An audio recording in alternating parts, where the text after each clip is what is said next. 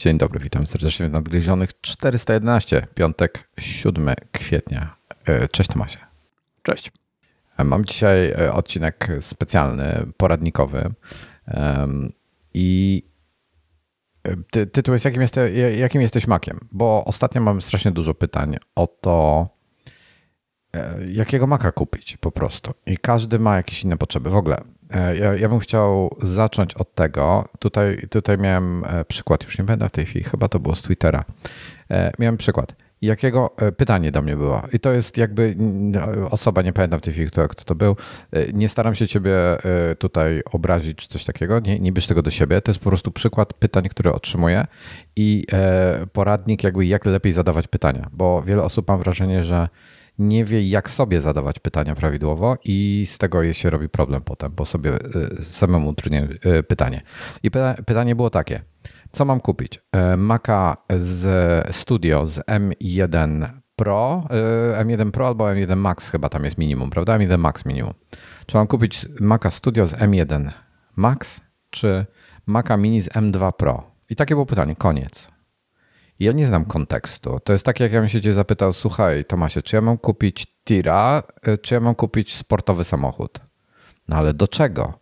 Y, wiesz, czy do pracy, czy dla przyjemności, czy po mieście, czy na trasę, y, czy do wożenia dupy, czy do wożenia towaru? No wiesz, jest wiele pytań pomocniczych i te pytania należy zadać. Więc pierwsze pytanie, do czego? Do czego chcecie kupić komputer? Jeżeli to jest, tych workflow każdy będzie miał inne. Są miliony różnych zastosowań.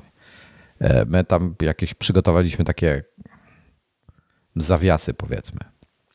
I, I pierwsza rzecz, właśnie, starajcie sobie zadać pytanie. Po pierwsze, ustalcie budżet maksymalny, którego nie przekroczycie w żadnym wypadku.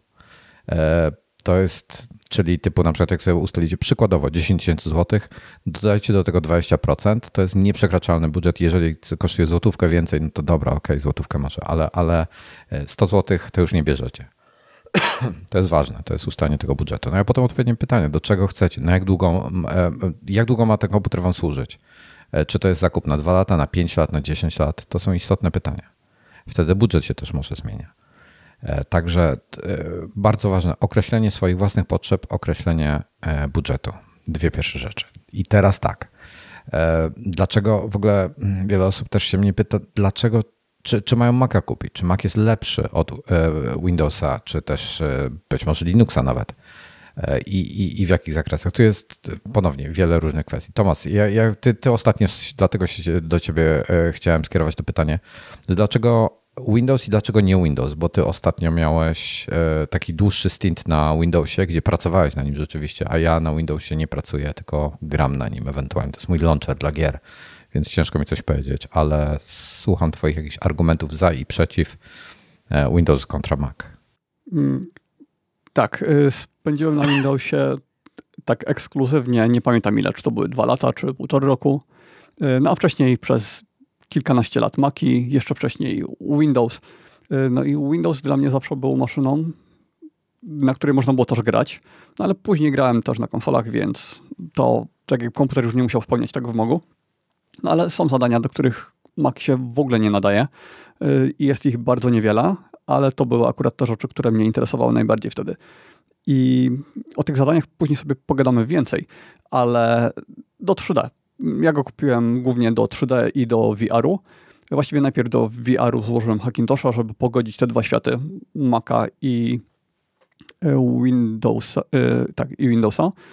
Mm, no ale jak wiemy, Hackintosze to już raczej jest przeszłość. Teraz ich się nie opłaca robić. I bo tak myślę, jak obejść ten temat, żeby teraz, bo mamy w notatkach też e, później omówienie dokładnie, do czego Windows się nadaje, a do czego się nie nadaje. I myślę, jak to teraz obejść, ale największa różnica w Windowsie, poza tymi zastosowaniami, y, ja używam komputerów też do fotografii i na Macach zawsze wszystko działało bardzo dobrze. Y, kolory się wyświetlały poprawnie w natywnych aplikacjach, w Photoshopie, wszędzie. Y, miniatury dobrze wyglądały. Na Windowsie to kompletnie nie działało. To znaczy, ikonki miały swoje kolory. Y, na monitorach takich, powiedzmy, kiepskich o małym gamucie, które nie potrafiły wyświetlać nasyconych kolorów, bez różnicy. Ale w fotografii używa się monitorów szerokogamutowych czyli kolory takie nawet bardzo intensywne z przestrzeni Adobe RGB. No i tam Windows wyświetlał kolory sRGB, czyli tak, takie wyblakłe, tak jakby one by miały być tymi totalnie nasyconymi, czyli skóra robiła się pomarańczowa, Y, zieleń, która wyglądała normalnie, wręcz świeciła, taką, no taka radioaktywna się robiła. I tak było w Photoshopie nie. W programach do edycji zdjęć jest ok, ale w, kiedyś nawet w przeglądarce internetowej, mm, ale w systemie operacyjnym, na miniaturach, w podglądzie systemowym, ikonki, tapeta pulpitu, no to to wszystko na Windowsie wyglądało fatalnie, to było utrapienie i praca na kilku monitorach. Na Macach po prostu się przeciągało aplikację na drugi ekran, czekało się powiedzmy sekundę, kolory przeskakiwały i wszystko było ok. E, no na Windowsie tak nie jest. Do, do, do dzisiaj to sprawia bardzo dużo problemy. To zarządzanie barwą zresztą też, bo y, u niektórych na Windowsie 11 jest gorzej niż na 10. U mnie akurat jest lepiej, u bardzo wielu osób jest gorzej. Praca na kilku monitorach, czyli na Windowsie nie można sobie przerzucić aplikacji z jednego monitora na drugi i liczyć, że będzie ok, tylko tą aplikację trzeba wyłączyć, włączyć jeszcze raz, żeby ona się uruchomiła na tym drugim monitorze od razu i dopiero wtedy te kolory mogą skoczyć poprawne. No i jeśli się pracuje w jednej aplikacji na kilku ekranach, no to się robił problem, bo większość aplikacji w ten sposób nie potrafiła sobie poradzić i wyświetlała złe kolory. Na jednym monitorze było ok, na drugim było niedobrze. W Photoshopie trzeba było sprawdzać, czy na pewno jest przypisany dobry profil monitora, tego głównego, a nie bocznego. I więc w tych zastosowaniach fotograficznych to zawsze to było dużo problemów, o których ludzie sobie zbytnio nie zdawali sprawy. Yy, no a później pytania na forach, nie? Dlaczego moje zdjęcia wyglądają inaczej w przeglądarce internetowej niż w Photoshopie i tak po kolei. Yy, no i ta kwestia skalowania. Jak weszły monitory 4K, one, bo one dalej nie są zbyt popularne, ale mm, to jest w dalszym ciągu nisza. Ale na Macach nie. Jeśli ktoś ma Maca, to raczej używa monitora 4K, tym bardziej, że Apple się wycofało z antyaliasingu w monitorach zwykłych. I teraz musicie mieć monitor 4K, żeby mieć porządny antyaliasing tam na poziomie pikselowym. Mm, I skalowanie na Macach zawsze działało lepiej, ale też zupełnie inaczej i bardziej obciążało komputer.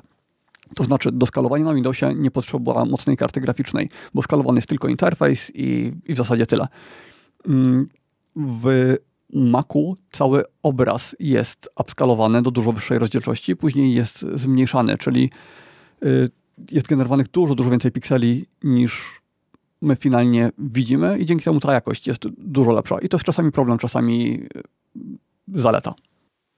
E, tu jako, jako e, te, od strony technicznej, chyba że coś zmieniło ostatnio. E, generalnie Retina najlepiej działa na Macu, jeżeli jest mnożnik dwa razy, to, do, dokładnie w pikselu. Czyli, mhm. czyli to jest tak. Kiedyś było tak, że jeden piksel na ekranie to był jeden punkt w systemie operacyjnym. Każdy punkt i piksel były równe. W tej chwili system operacyjny ma jeden punkt ale ekran ma 4 piksele, czyli każdy punkt jest e, wyświetlany przez 4 piksele. W przypadku iPhone'a może to być nawet 9 pikseli, bo tam jest Retina 3X na OLEDach. E, I to powoduje, że na przykład jeżeli przez punkt przechodzi kreska, to nie jest zaświecony, zaświecony jeden piksel, ale dwa piksele, więc wszystko się staje po prostu ostrzejsze, lepsze i tak dalej. I teraz tak, jeżeli mamy e, na przykład monitor 4K, to 4K to jest dokładnie 4 razy większa rozdzielczość niż Full HD, czyli 1920 e, na 1080. E, czyli na jednym obrazie 4K zmieścicie 4 e, obrazy Full HD. I jeżeli teraz byście sobie wyobrazili, że ktoś pracuje w Retina 2K, to, czyli na, na ekranie 4K, ma Full HD, to jest wtedy mnożnik dwa razy dokładnie, czyli dwa razy w poziomie, dwa razy w pionie. I, I jeżeli coś takiego skalujemy, to to jest właśnie płynne skalowanie, czyli e, obraz jest renderowany e, w e, tej, tej rozdzielczości dwukrotnie wyższej, jest skalowany w dół. Jeżeli mamy nierówny mnożnik, czyli na przykład mamy Retina 1.6, Przykład Retiny 1.6 to jest, jeżeli na ekranie 4K próbujemy wyświetlić obraz, który ma 2560 na 1440 punktów czyli taki stary, jakby znany jako to, to, to kiedyś był jako taki typowy 27-calowy monitor, miał taką rozdzielczość. To to, to nie będzie to mnożenie raz dwa, tylko to jest mnożenie razy 1,6. Wtedy e, komputer bierze i generuje nam 5120 na 2880 pikseli. Taki obraz nam generuje każdą klatkę, czyli dużo więcej niż wyświetlany, dużo więcej niż 4K. 5K w zasadzie generuje i zmniejsza to do 4K i to widzimy. Tak, tak to działa od strony technicznej. Tak, i problem w tym, że mnożnik razy dwa przy dzisiejszych monitorach, przy dzisiejszych rozdzielczościach, e, on nam daje bardzo duży interface. To znaczy na monitorze 4K, jak i ten monitor jest duży, tam powiedzmy 27, 32 cale, jak użyjemy mnożnika razy dwa, to wszystko jest gigantyczne, więc ja bym nie był w stanie używać takiego mnożnika, tylko te pośrednie.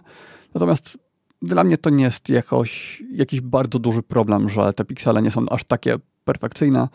Mm, I tak to wygląda, wydaje mi się, lepiej niż na monitorach o niższej rozdzielczości. No, są, tylko, że taka rada właśnie... Jak... Są jednak hmm. osoby, które jakby absolutnie nie akceptują tej Retiny 1.6 na przykład. Ja powiem hmm. tak, że to jest bardzo, bardzo mocno akceptowalne, jak się nie widzi Retiny 2, takiego idealnego mnożnika. Jak się nie widzi idealnego, idealnej retiny, to wtedy jest to do zaakceptowania. Potem szlak ci no, trochę trafia. Jak i potem zapominasz. Jak obok są dwa monitory, nie? Mhm, tak, jak, jak obok jest drugi monitor, który ma idealnie raz dwa. Tak. Um, no i to dla mnie te różnice były najważniejsze, czyli zarządzanie barwą, yy, praca na wielu monitorach, ale w sensie między Windowsem a Maciem, no ale też yy, w tej chwili aplikacje to jest ogromna różnica, bo na Maca są tak dużo lepsze programy, tak dużo bardziej dopracowane. Y, powiedziałbym też, że jest większy wybór dobrych aplikacji, że ja przez te dwa lata na Windowsie miałem bardzo duży problem, żeby znaleźć zamienniki, które są równie dobrej jakości. Dla wielu programów nie znalazłem. I no, jak wróciłem do Maca, to dopiero przypomniałem sobie, jak to jest korzystać z oprogramowania, które jest dobrze napisane. I tutaj mówię nawet o takich bardzo podstawowych aplikacjach typu y, klient mailowy. No ostatnio, ok, ostatnio się pojawił Spark w tej odświeżonej wersji na Windowsa też, ale generalnie aplikacje, nie wiem, do pisania w Markdownie, y, takie niby rzeczy, które się wydają bardzo proste. Mapa myśli, generowanie map myśli, czyli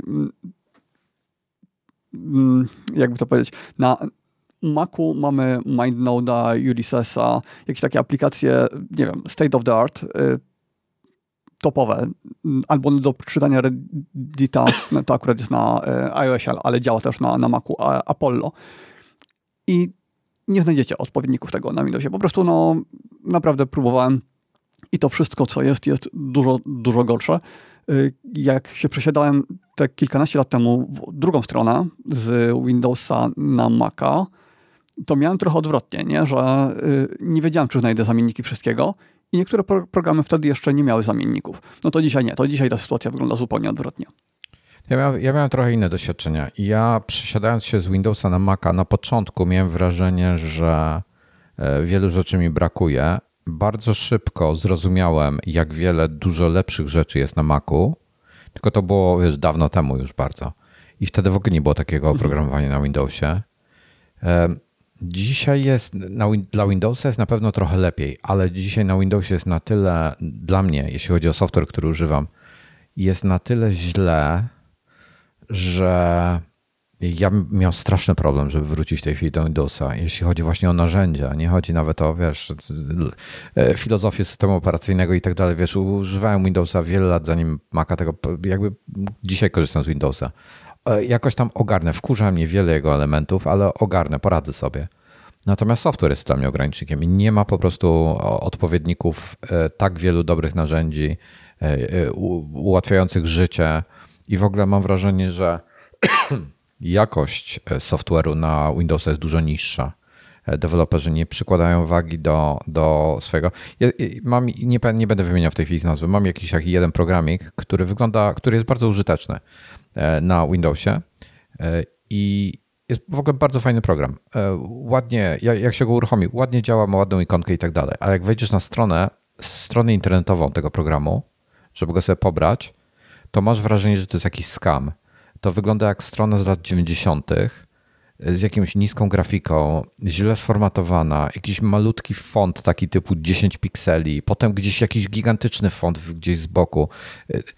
Zero, wiesz, jakieś, gdy, gdyby gość wziął jakikolwiek szablon na jakikolwiek jakiegoś najprostszego WordPressa, to, to by to lepiej wyglądało niż to, co on zrobił. I wiesz, i, i to nie jest tak, to nie są pojedyncze tematy, tego jest mnóstwo. Software jest moim zdaniem dużo niższej jakości i jest go dużo, e, dużo mniej wysokiej jakości software'u jest e, od indie deweloperów. E, I, mhm. I no, ten, ten design jest bardzo mocno zaszyty w DNA Apple'a, że deweloperzy przywiązują do niego wagę. Apple kładzie na to bardzo duży nacisk. I to jest też UX. To, jak są, jak jest UX, jak, jak to inaczej User powiedzieć. To, jak są no tak, ale po polsku.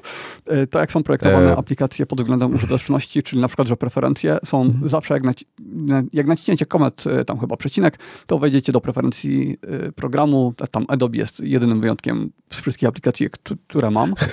Chyba I... zrobili, chyba dodali. W najnowszych chyba shortcut jest już, albo, albo podobny. Pamiętam, że coś się zmieniło u nich. Command K jest. Okej. Okay. I nawet w menu, jeśli się przeklikacie, to zawsze wiadomo, gdzie te preferencje znaleźć. Y, na Windowsie to w niektórych bardziej zaawansowanych programach musiałem szukać w internecie, gdzie się dostać do, do opcji. Na przykład w, bodajże w Mai y, tak było, że musiałem googlować, jak tam się dostać do opcji. Y, I czasami one są zakopane w tak dziwnych miejscach, że po prostu no, nigdy bym na to nie wpadł. Yy, więc taka, tak, taka unifikacja, że wszystko wygląda w miarę podobnie. Nawet jak wejdziecie sobie w te preferencje, to ich układ za, no, bardzo często jest bardzo zbliżony. To jest taki, że u góry się przełączacie między tabami, po lewej stronie jest taka lista. Yy, no jest to po prostu wygodne, jest to dobrze zrobione. Jeszcze tak się właśnie zastanawiam, co, co, co jeszcze możemy wspomnieć na ten temat, o, o, o tym. Hmm. Ja myślę, że, że kolejną potencjalną istotnym elementem całości, dlaczego, dlaczego się zdecydować na Maca, to jest ekosystem. To oczywiście będzie zależało, dla każdego z nas ekosystem będzie różny. E, natomiast to, że ja na przykład wysyłając maila ostatnio potrzebowałem skan dokumentu, który leżał obok mnie i zamiast tak robić zdjęcia iPhone'em, a byłem na, e, pracowałem na Macu, dostałem e, maila, zobaczyłem, że potrzebuję jakiegoś tam skana odesłać, wziąłem E, automatycznie po prostu na Macu wcisnąłem Command R, żeby od, odpisać tej osobie, zacząłem pisać i sobie zdałem sprawę, dobra, to teraz to muszę zdjęcie zrobić. Ale nie, wystarczy na Macu wcisnąć ikonkę, e, do, dołącz dokument tam i on się ciebie pyta, czy chcesz zrobić e, z iPhone'a, z kamery bezpośrednio. I bierzesz tego iPhone'a, podnosisz iPhone'a, robisz zdjęcie, od razu się w mailu pojawia. Wiesz, takie bzdury. To jest taki najprostszy przykład ten, z, tej, z tej continuity funkcji, która jest. E, albo kopiowanie e, informacji. Na przykład e, dostałem, coś miałem na ekranie na Macu i potrzebowałem to wkleić na iPhone'ie. Skopiowałem to i wkleiłem to na iPhone'ie, po prostu dałem paste i się wkleiło, koniec. To działa w tle. I to, to, to, to są tego typu rzeczy, tych, tych ekosystemowych funkcji. Ja, nie, ja tu jeszcze nawet nie mówię o dodatkowych integracjach między aplikacjami, bo często jest tak, że e, możemy z tego samego software'u korzystać na różnych urządzeniach, czy to na Macu, czy to na iPadzie, czy na iPhone'ie e, i one jakby współdziałają ze sobą. Więc to, no tutaj jest ta, ta ogromna zaleta, której mam wrażenie, że na Windowsie na Maxa brakuje, jeśli chodzi o um, smartfony czy, czy tablety. Jest coś jeszcze związanego z macOSem. Automatyzacja. Na Macu wszystko da się automatyzować, na Windowsie jest to niemożliwe, jeśli aplikacja nie ma wbudowanej odpowiedniej funkcji. Czyli na przykład w Photoshopie mamy wbudowane akcje, więc można sobie pisać coś w rodzaju makr, ale na Macu można, ka każdy program jest napisany w taki sposób, y, że aplikacją Automator można go automatyzować. I Automatora w tej chwili też y, Siri, skróty Siri, czyli taka uproszczona forma. I w ten sposób można też robić automatyzację nie tylko w obrębie jednego programu, ale w obrębie całej serii programów, czyli wyciąć coś z jednej aplikacji, przekazać to do drugiej, y, kliknąć tutaj, pobrać jakiś załącznik, wysłać coś na serwer i to wszystko się zrobi wtedy jednym kliknięciem, albo zrobi się automatycznie. Na przykład mam tak, że jeśli robię screenshota, na Macu, to automatycznie ma mi go przesyłać do aplikacji Photos, żebym go miał też w iPhone'ie. I to się wyzwala automatycznie w momencie zrobienia screenshota. No i takie automatyzacje one mogą być bardzo, bardzo rozbudowane. Dla mnie to jest zbyt. Mm, ja tego nie potrzebuję. Y, jest to dla mnie zbyt obszerny temat, ale wiem, że dla wielu osób to jest coś, co jest tym, tym powodem, dla którego używają Maca. Bo powtarzalne czynności robią raz tylko w momencie, kiedy piszą ten skrypt, a później już się to robi samo. I to pisanie skryptu to może powiedziałem na wyrost, bo to tak naprawdę jest takie y, przeciągnij i upuść. To, jest, to się graficznie robi w dużej mierze, ale można też pisać jakiś skrypt dodatkowo. Mm, no i no nie ma czegoś takiego na Windowsie. Na Windowsie po prostu automatyzacje praktycznie nie istnieją. Wiele osób ci tutaj powie autohotki e, na Windowsa. Ale e, nie, nie, no to korzystałem, zupełnie to nie jest to skala. Samo. Tak, to nie jest nie, to nie, samo. to w ogóle autohotki to jest może jeden promil możliwości tego, co robi automator. Bo automator, automatorem zrobisz wszystko, co chcesz. Wszystko. Ja bym chciał jeszcze tutaj podpowiedzieć, że są dwie aplikacje, które są third party, czyli płatne, które są e, warte. E, o, kupując je, okradacie deweloperów, bo są warte, e, są w zasadzie bezcenne, a płacicie za nie tylko ileś tam dolarów. Więc okradacie dewelopera kupując tę aplikację. To jest bardzo prosta matematyka. I teraz tak. Pierwszy to jest Keyboard Maestro, który pozwala za pomocą skrótów klawiaturowych lub w zasadzie nawet nie skrótów klawiaturowych, a w zasadzie jakichś wykonywanych różnych czynności na komputerze, e, różne rzeczy zautomatyzować. Potrafi wykorzystywać skrypty automatora, to wszystko, co jest wbudowane w system, on potrafi to też wykorzystać, więc jak napiszecie jakiś skrypt w automatorze na przykład albo coś, albo macie jakąś tam e, automatyzację, to też można to w ten sposób aktywować dodatkowo. Jak wykorzystuję to? Ja nie, musiałbym sprawdzić. Ja mam prawdopodobnie kilkadziesiąt E, makr, bo to się, oni tutaj to makra nazywają. Mam dwa, mam z 40 makr, które używam, które mi, bez których dzisiaj nie wyobrażam sobie e, po prostu e, w żaden sposób życia. To, to są takie rzeczy, najprostsza rzecz. Na przykład są strony internetowe, które ci nie pozwalają, jak masz password managera, to nie pozwalają ci wkleić um, hasła, tylko musisz wpisywać znak po znaku. Wiesz o czym mówię? Czasami takie są. Jakby każdy znak to jest no, osobne pole. Ba, bar, bardzo mało, ale. Bardzo rzadko się, się zdarza, tak. ale są Przy takie. Czym I czy... Y, w, One Password da się to obejść. Już nie pamiętam, jak ale ING kiedyś podawało, jak, w jaki sposób to się obchodzi. No, Keyboard Maestro ma taką jakąś tam akcję, która właśnie tego typu rzeczy upraszcza właśnie. E, jak chcesz, współpracuje też z One Password ewentualnie. To jest to. Ja mam, ja mam tam zapisanych mnóstwo takich uproszczeń, które w przy, przy, okazji e, robienia różnych rzeczy w czy to tworzenia nowych wpisów, czy edycji, czy robienia jakichś tam innych rzeczy, mam po prostu pozapisywane e, krótkie automatyzacje, które mi upraszczają. Coś, co by mi zajęło, nie wiem, minutę, zajmuje mi ułamek sekundy, bo muszę nacisnąć skrót klawiszowy, bo to jest powtarzalne za każdym razem. E, jeżeli potrzebujecie mieć zmienne parametry, czyli na przykład, e, nie wiem, wstawiacie coś, przykładowo jakiś tam, nie wiem, coś wstawiacie gdzieś i jakiś ma być banner z datą, tak, wpisany jakiś taki tekstowy, jakiś nagłówek, i tam ma być data dzisiejsza, coś tego, to on to zautomatyzuje, on będzie wstawiał dzisiejszą datę albo e, datę taką dokładnie, jaką chcecie. No jest mnóstwo rzeczy. Używam go do tego, że jak, jak tworzę, jak piszę artykuły do Mam skrót klawiszowy, e, gdzie e, tworzy mi automatycznie, tworzy mi w odpowiednim miejscu na dysku, tworzy mi nowy folder. W tym folderze mi tworzy nowy plik. Folder i plik są odpowiednio nazwane i mają odpowiedni format, odpowiednie rozszerzenie w przypadku pliku. E, I w środku ten plik już jest zapełniony tytułem, autorem, bo mamy tam specyficzny format. Jak wysyłamy pliki do e, korekty y, i do DTP, to one mają mieć typu, to jest przykład w tej chwili typu, nazwisko, rok, miesiąc, e, tytuł e, z myślnikami pomiędzy, tak? W środku w pliku na górze ma być tytuł, autor, potem mają być tam jakieś różne rzeczy. Mi już wypełnia wnętrze tego pliku. Ja mam taki jakby taki szablon już stworzony. I i to jest, wiesz, dynamiczne. I jedyne, co muszę podać, wciskam e, skrót, podaję tylko e, chyba, na który miesiąc to jest i podaję tytuł, nic więcej. I, I, on mi to wszystko tworzy, tak? To jest czynność, która mi, nie wiem ile mi to oszczędza, 30-60 sekund, minutę, ale robię to od 10-13 lat, więc oszczędziło mi to pewnie, wiesz, rok życia, tak? Przesadzam teraz, ale miesiąc życia przykładowo. To, to jest jedno. Hazel. Druga rzecz, która to jest must have. Hazel. Aplikacja, która monitoruje odpowiednie foldery na e, dysku.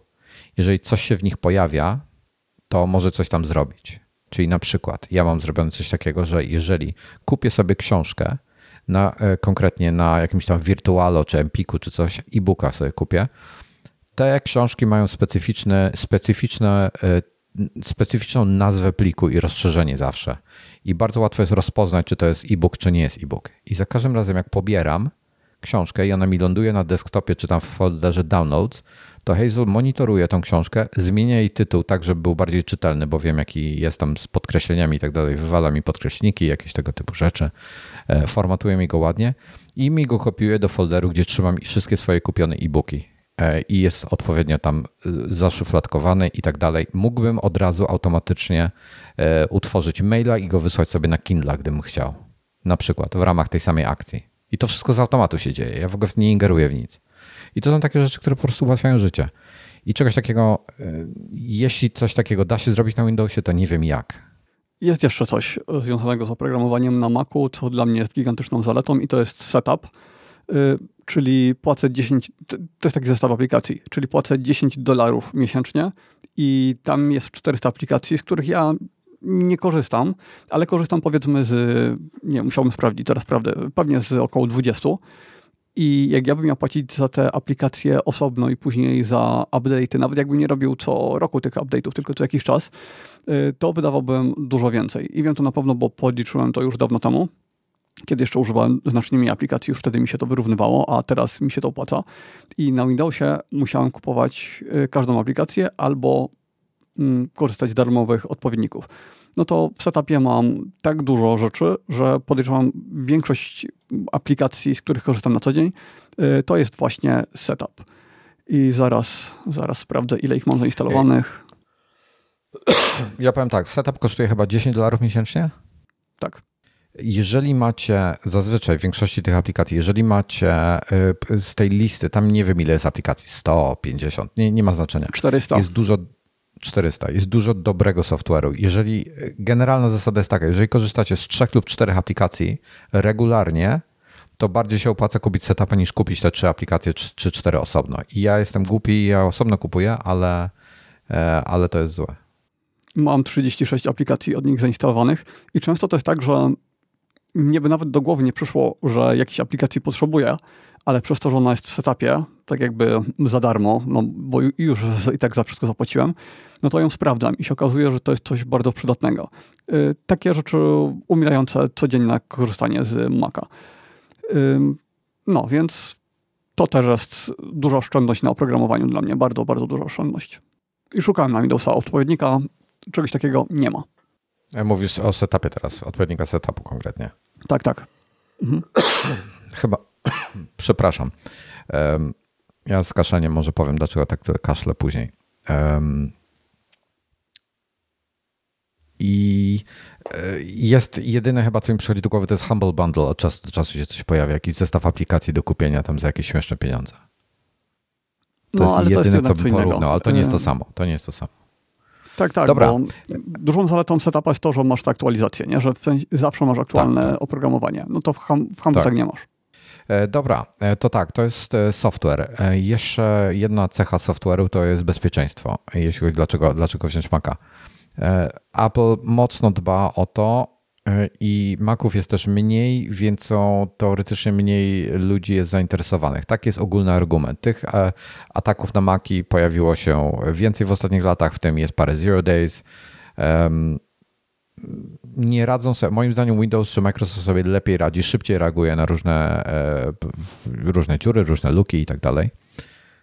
Mm, ale, ale chyba jest trochę lepiej. No. Czasami, czasami coś, coś skaszają albo zbyt długo czekają z update'em, ale generalnie bezpieczeństwo e, jest na wysokim poziomie bardzo. Szczególnie architektura macOSa e, pozwala na bardzo wysoki poziom bezpieczeństwa w tej chwili, szczególnie te, te, na tych nowych wersjach. Więc E, to, to dla niektórych może być to bardzo ważna kwestia. e, szyfrowany dysk od razu, wiesz, fabrycznie i tak dalej, i tak dalej. W sensie fabrycznie, no mhm. jakby z automatu, bez żadnych problemów. Tak, też system kopii zapasowych, e, Time Machine, że można się cofnąć, jak wyglądał plik godzinę temu, 10 dni temu, rok temu i to wszystko jest funkcja systemowa, wpina się dysk i on automatycznie zapyta, czy chcemy go używać jako Time Machine. Jeśli tak, no to mamy tą funkcję. E, system plików, e, ten, jak on się nazywa, APF. APFS. Nie, nie pamiętam, ale tak, on też dużo dobrego wprowadził na, na Maki i to na przykład, że powielony plik nie zajmuje dodatkowo miejsca, mm, to jak sprawnie działa teraz wyszukiwanie i że partycje już się w ogóle nie sypią, no to na Windowsie jednak sypanie e, partycji to wciąż jest problem i na Macach też było w przeszłości. Na Macach chyba nawet większy niż na Windowsie kiedyś. No ale to teraz już to nie, nie istnieje. E, to coś powiedziałeś z tym, z tym Time Machine'em. Na, na Windowsie jest ta możliwość tworzenia tych takich punktów restorowych, ale z tego co wiem, to nie ma żadnego ale takiego. To jest co innego. E, mm. Tak, tak, oczywiście. E, nie ma takiej, takiej funkcji właśnie jak Time Machine. Mhm. E, tak, oczywiście. I nie ma możliwości, no ale jakby funkcja, wiesz, w jakiś tam sposób dbająca, jakiś, jakoś zapewniająca jakieś tam cechy funkcji backupu. Natomiast nie ma hmm. domyślnie niczego takiego podobnego. Jedynie w zasadzie co zostaje to oprogramowanie third party, jakieś akronisy i tym podobne rzeczy, które robią podobne rzeczy, ale trochę inaczej. Na Maca też są takie, notabene. Tak, mm. z odpowiedników na Maca jestem dużo bardziej za, zadowolony, bo mam Acronisa na Windowsie, ja kupiłem licencję. Mm, dużo bardziej wolę odpowiednik Macowy, czyli CCC. E, tak, CCC jest jeszcze su, super duper, tam pewnie jakieś parę innych też znajdziecie. e, dobrze. E, kolejna rzecz w tej chwili dotyczy to głównie e, wersji M. Z wyjątkami będzie, ale wersji e, z procesorami Apple'owymi Apple Silicon. Tutaj muszę powiedzieć, że absolutnie niesamowite. Szczególnie tutaj, tu ja się skupię na laptopach, bo w przypadku desktopów to oczywiście jest e, inna dyskusja. E, skupię się na laptopach. To, że jesteśmy w stanie na MacBooku Pro, i mówię tutaj konkretnie o 14 i 16 calowym modelu w tej chwili, e, bo to są te obecne, oferowane od końca 2011, przepraszam, 2021 E, i e, są rewelacyjne pod tym względem.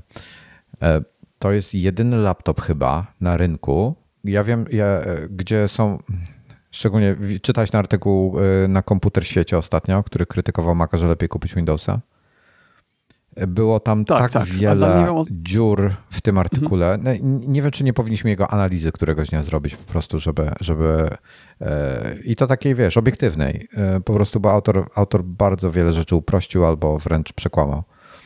E, I, i jest taka sprawa nie znam przynajmniej w tej chwili żadnego laptopa na e, Windowsie, który byłby absolutnie cichy, pod pełnym obciążeniem i zachowywał pełną wydajność. Co więcej, nie znam żadnego laptopa na Windowsie, który, e, który zachowywałby pełną wydajność przy odłączonym kablu działającym na baterii. E, jeżeli takiego znacie, to podeślijcie nam w komentarzu. Natomiast z tego, co, co przeglądaliśmy, benchmarki i tak dalej, to wszystkie to każdy jeden, jak jest odłączony od zasilania, nie ma pełnej wydajności. To wydajność spada tak e, o 2 trzecie, aż, aż do 2 trzecich, przeważnie w rejonie połowy. To jest duża strata. No to słabsze być może. Te, te słabsze być może mogą mieć, bo wtedy zasilacz, e, zasilacz nie musi mieć kilkuset watów, żeby dostarczyć tak, tak. maksymalnej mocy dla laptopa, ale w przypadku tych mocnych laptopów, no to no, musiałbyś mieć zasilacz y, tam, nie wiem, chyba z 300 watów, bo jeśli y, mówimy o laptopach mhm. takich mocnych z RTX-ami, to nie wiem do ilu one dochodzą, ale dużo, dużo więcej niż Mac biorą prądu. Ostatnio gdzieś widziałem jakiegoś benchmarka jakiegoś 150-watowego, yy, znaczy laptopa ze 150-watowym zasilaczem, który pod pełnym obciążeniem yy, brakowało mu prądu, zużywał baterię. Mhm. Mm. Ja jeszcze bym chciał coś no. powiedzieć odnośnie tych różnic między Windowsem i Maciem. Y, to, co komputer robi w trakcie uśpienia, że na Maca się przychodzi i praktycznie wszystko jest po wybudzeniu komputera wszystko jest gotowe do pracy, pliki są zindeksowane, zdjęcia są zsynchronizowane, to co było na naszym telefonie automatycznie chmu z chmury się przeniosło na dysk, podczas ten, kiedy ten komputer spał. Ja, ja więcej powiem. Tomasie, ja zamykam mój komputer, bo ja mam automatyzację. To jest przykład z życia wzięty w tej chwili, z naszego nagrania. Tomas mi przesyła przez iClouda plik swój z nagraniem. Ja mam skrypt te, przez Hazel akurat, o którym wspominałem, który mi automatycznie go przenosi do odpowiedniego folderu i tam odpowiedni uruchamia potem sobie y, przez levelatora tam poziomowanie tego pliku. Ja mogę mieć zamknięty, ok, levelator nie działa w tle przy zamkniętym komputerze, ale ten plik mi się pobiera na iClouda i jak on się pobierze u mnie na iCloudzie, w sensie do mojego iClouda trafi już z Tomasa iClouda, mam współdzielony folder, to ja mogę mieć zamknięty komputer, a on mi się przeniesie. Ta Hazel w tle na, przy zamkniętym komputerze wykona tą operację. Co jest w ogóle nie do pomyślenia w innych rzeczach, e, innych systemach. I tutaj, wiesz co, to jest tak. E, dużo osób, na przykład znam kilka osób, które zajmuje się montażem wideo i to mówimy tutaj o sporcie, taki, takie tematy na żywo, e, gdzie działają jako freelancerzy, z biegu gdzieś tam są i e, muszą coś zrobić w polu, dosłownie w polu stojąc, na swoim komputerze jakąś operację wykonać większą na jakieś liczby plików, czyli mówię tutaj o montażu. W zasadzie software nie ma znaczenia, czy chcesz korzystać z jakiejś premiery, czy z Final Cut'a, czy i tak dalej. Oczywiście Final Cut jest lepiej zoptymalizowany, E, pre, premiera niekoniecznie, są też inne software, jest Blackmagic, e, te, DaVinci e, i, i tak dalej, i tak dalej. Nie ma, nawet nie, nie mówię w tej chwili tutaj o software'ze, tylko na Macu będąc w polu możesz renderować z dala od gniazdka zasilania na pełnej mocy w ciszy i wiesz, i nie, nie masz żadnych problemów z tym. A to, to są takie, wiesz, no, dla niektórych to, to, to powoduje, czy oni mogą pracować, czy nie mogą pracować. To jest taka różnica. E, także no. No tak, tyle, bo tyle YouTuberzy mogę... na przykład e, MKBHD może tutaj jest przegiętym przykładem, ale on na targi jeździł z iMaciem 27-calowym. Miał tą wielką torbę, tam płacił dodatkowo za bagaż i za każdym razem jak jeździł, jak, jak latał na różne CES i to wszystko, to z tym iMaciem. I on kiedyś powiedział, że jak wyszły te nowe MacBooki Pro z e, M1 Pro czy tam Max, no to wtedy w końcu mógł zacząć e, podróżować z laptopem, no bo renderowanie filmów e, w jego przypadku to jest chyba, nie wiem czy 8K, a na pewno co najmniej 4. On robi 8 do 16K, zależy. No. Mhm. no. Więc normalne laptopy intelowskie absolutnie nie były w stanie tego udźwignąć. One by spłonęły przy tym. No a ten to robi. Teraz tak. Chwalimy tutaj, są zadania, gdzie Maki nie będą odpowiednim komputerem. Są zadania, gdzie, gdzie Windows będzie lepszy, po prostu ma lepszy software, lepiej zoptymalizowany, bardziej dedykowany do tego. E, to jest oczywiste. E, nie, nie negujemy tego. E, I to będziecie wiedzieli, bo to jest, to jest trochę tak jak z wyborem konsoli. E, do grania. Nie wybieracie konsoli dlatego, że wam się podoba Xbox czy, czy PlayStation, mówimy tutaj konkretnie, czy tam Switch nawet, tylko krótko, jeżeli chcecie pograć w Zelda, to kupujecie Switcha, no bo, bo nie macie specjalnego wyboru, tak? E, jeżeli chcecie e, pograć w Uncharted, to kupujecie PlayStation i tak dalej. I tu jest podobnie. Po prostu, jak potrzebujecie jakiś konkretny software i on jest tylko na Windowsa, albo jest tam dużo lepiej zoptymalizowany, to, to po prostu musicie mieć coś, coś z Windowsem. Nie ma wyboru. E, ale to są jakieś tam wyjątkowe sytuacje. E, jeszcze chciałbym powiedzieć o serwisie, słuchaj. E, serwis w przypadku to może być. Hmm, to, to będzie różnie. W przypadku korporacji kontra pojedynczy użytkownik będzie różnie. Po pierwsze, zależnie od kraju będzie różnie. IBM na przykład jak się przesiadł na Maki, to w IBM mówili tam, zrobili podsumowanie kosztów rocznych obsługi tych komputerów to w przypadku Maców było dużo taniej niż w przypadku e, PC-ów, więc obsługa roczna, taka korporacyjna, była dużo niższa. Ale serwis, jak jesteś użytkownikiem takim pojedynczym, to jest bardziej kłopotliwy. E, być może jest lepszy, e, ale to, to nie wnikam. Nie, nie wiem, jakie są w tej chwili PC-owe serwisy. Natomiast jest bardziej uciążliwy niż na przykład Dell gdzie Dell w ciągu tam e, tego samego dnia, czy na, następny dzień ci już dan e, takie same urządzenie nowe, czy, czy zależnie tam jaką masz umowę, e, czy, ją, czy gwarantuje naprawę, tak? To w przypadku na przykład Maca musisz go oddać, on musi zostać odesłany do serwisu typu, nie wiem, tam w Niderlandach powiedzmy i to trwa tydzień, potem dostajesz go z powrotem. Tak, Apple nie ma rozwiązania serwisowego dla profesjonalistów, dla ludzi, którzy zarabiają na tych komputerach. Y, tak jak Dell ma tą gwarancję, gdzie technik przy, on przyjeżdża do domu i w naszym mieszkaniu wymienia płytę główną czy cokolwiek, to e. Apple czegoś takiego nie ma. Znaczy, teoretycznie mają. Oni nie mówią o tym oficjalnie, ale w praktyce e, tak to się robi, to już podpowiem. Jeżeli wpadnie wam załóżmy Mac, kupujecie sobie Maca drugiego, macie Time Machine, więc przywracacie go, e, komputer oddajecie jest... do serwisu i macie 28 dni na to, żeby go używać. No właśnie, no właśnie teoretycznie, bo w praktyce to profesjonaliści często mają te dopakowane e, jednostki, nie, nie te podstawowe modele, tylko te CTO. I takiego modelu nie kupisz. To znaczy na niego, i żeby taki Że model musisz kupić, czekać. to musisz na niego to zaczekać. Jest tak. Ale większość, wiesz, no, przy, po, poradzi sobie jakoś tam, wiesz, e, jakimś, jakimś gorszym sprzętem w międzyczasie. Um, no, także, także tyle. E, serwis ogólnie. Um, jeszcze coś. Jeszcze brakuje. No. Serwis no. Jeszcze to, że Apple ma międzynarodowy serwis, więc kupujecie komputer w jednym kraju, podróżujecie i gdzie indziej go serwisujecie. To jest super. W przypadku wielu producentów to nie jest takie oczywiste. U Apple'a też nie do końca, ale mówimy tutaj o Macach. W przypadku Maców tak jest. W przypadku zegarków i tam w zależności od urządzenia to serwis jest albo lokalny, albo międzynarodowy. Natomiast w praktyce i tak nawet w przypadku tych lokalnych y, gwarancji Apple często robi wyjątki i tak czy tak naprawia w innym kraju. E, tak, tu jest jeszcze jedna e, ogromna zaleta, bo płacimy więcej za coś, ok. E, to jest oczywiste, maki są, są drogie niestety. E, natomiast są, są takie detale. Ja na przykład, wiesz, miałem jakieś e, na, na tym, na swoim MacBooku miałem jakieś mikroryski na tym poprzednim, na ekranie, o których nie wiedziałem, ale serwis, jak mi wymieniał klawiaturę na nową, e, powiedział mi, słuchaj, masz jakieś, czy, czy tutaj są te mikroryski na ekranie? Widziałeś je? Ja mówię, że nie. Okej, okay, dobra, to, to odnotujemy to. I wiesz, i potem jak odbierałem go następnego dnia serwisu, okazało się, że nowy ekran dostałem, bo, bo nieakceptowalne było to, że były mikroryski na ekranie i dostałem po prostu, wymienili mi cały ekran na nowy. E, więc wiesz, są takie rzeczy e, i, i to jest po prostu, to jest, to jest fajne. E, czasami są problemy z ich serwisem. Nie jest idealny, oczywiste, ale bardzo często są sytuacje, nawet jak z winy użytkownika coś się zepsuje, to oni go naprawią za darmo albo wymienią na nowy za darmo. Jest wiele takich sytuacji w internecie opisanych, e, więc no, to, to tak, jest taki dodatkowy jeszcze. gwarancji tak. jest szansa na wyjątek serwisowy.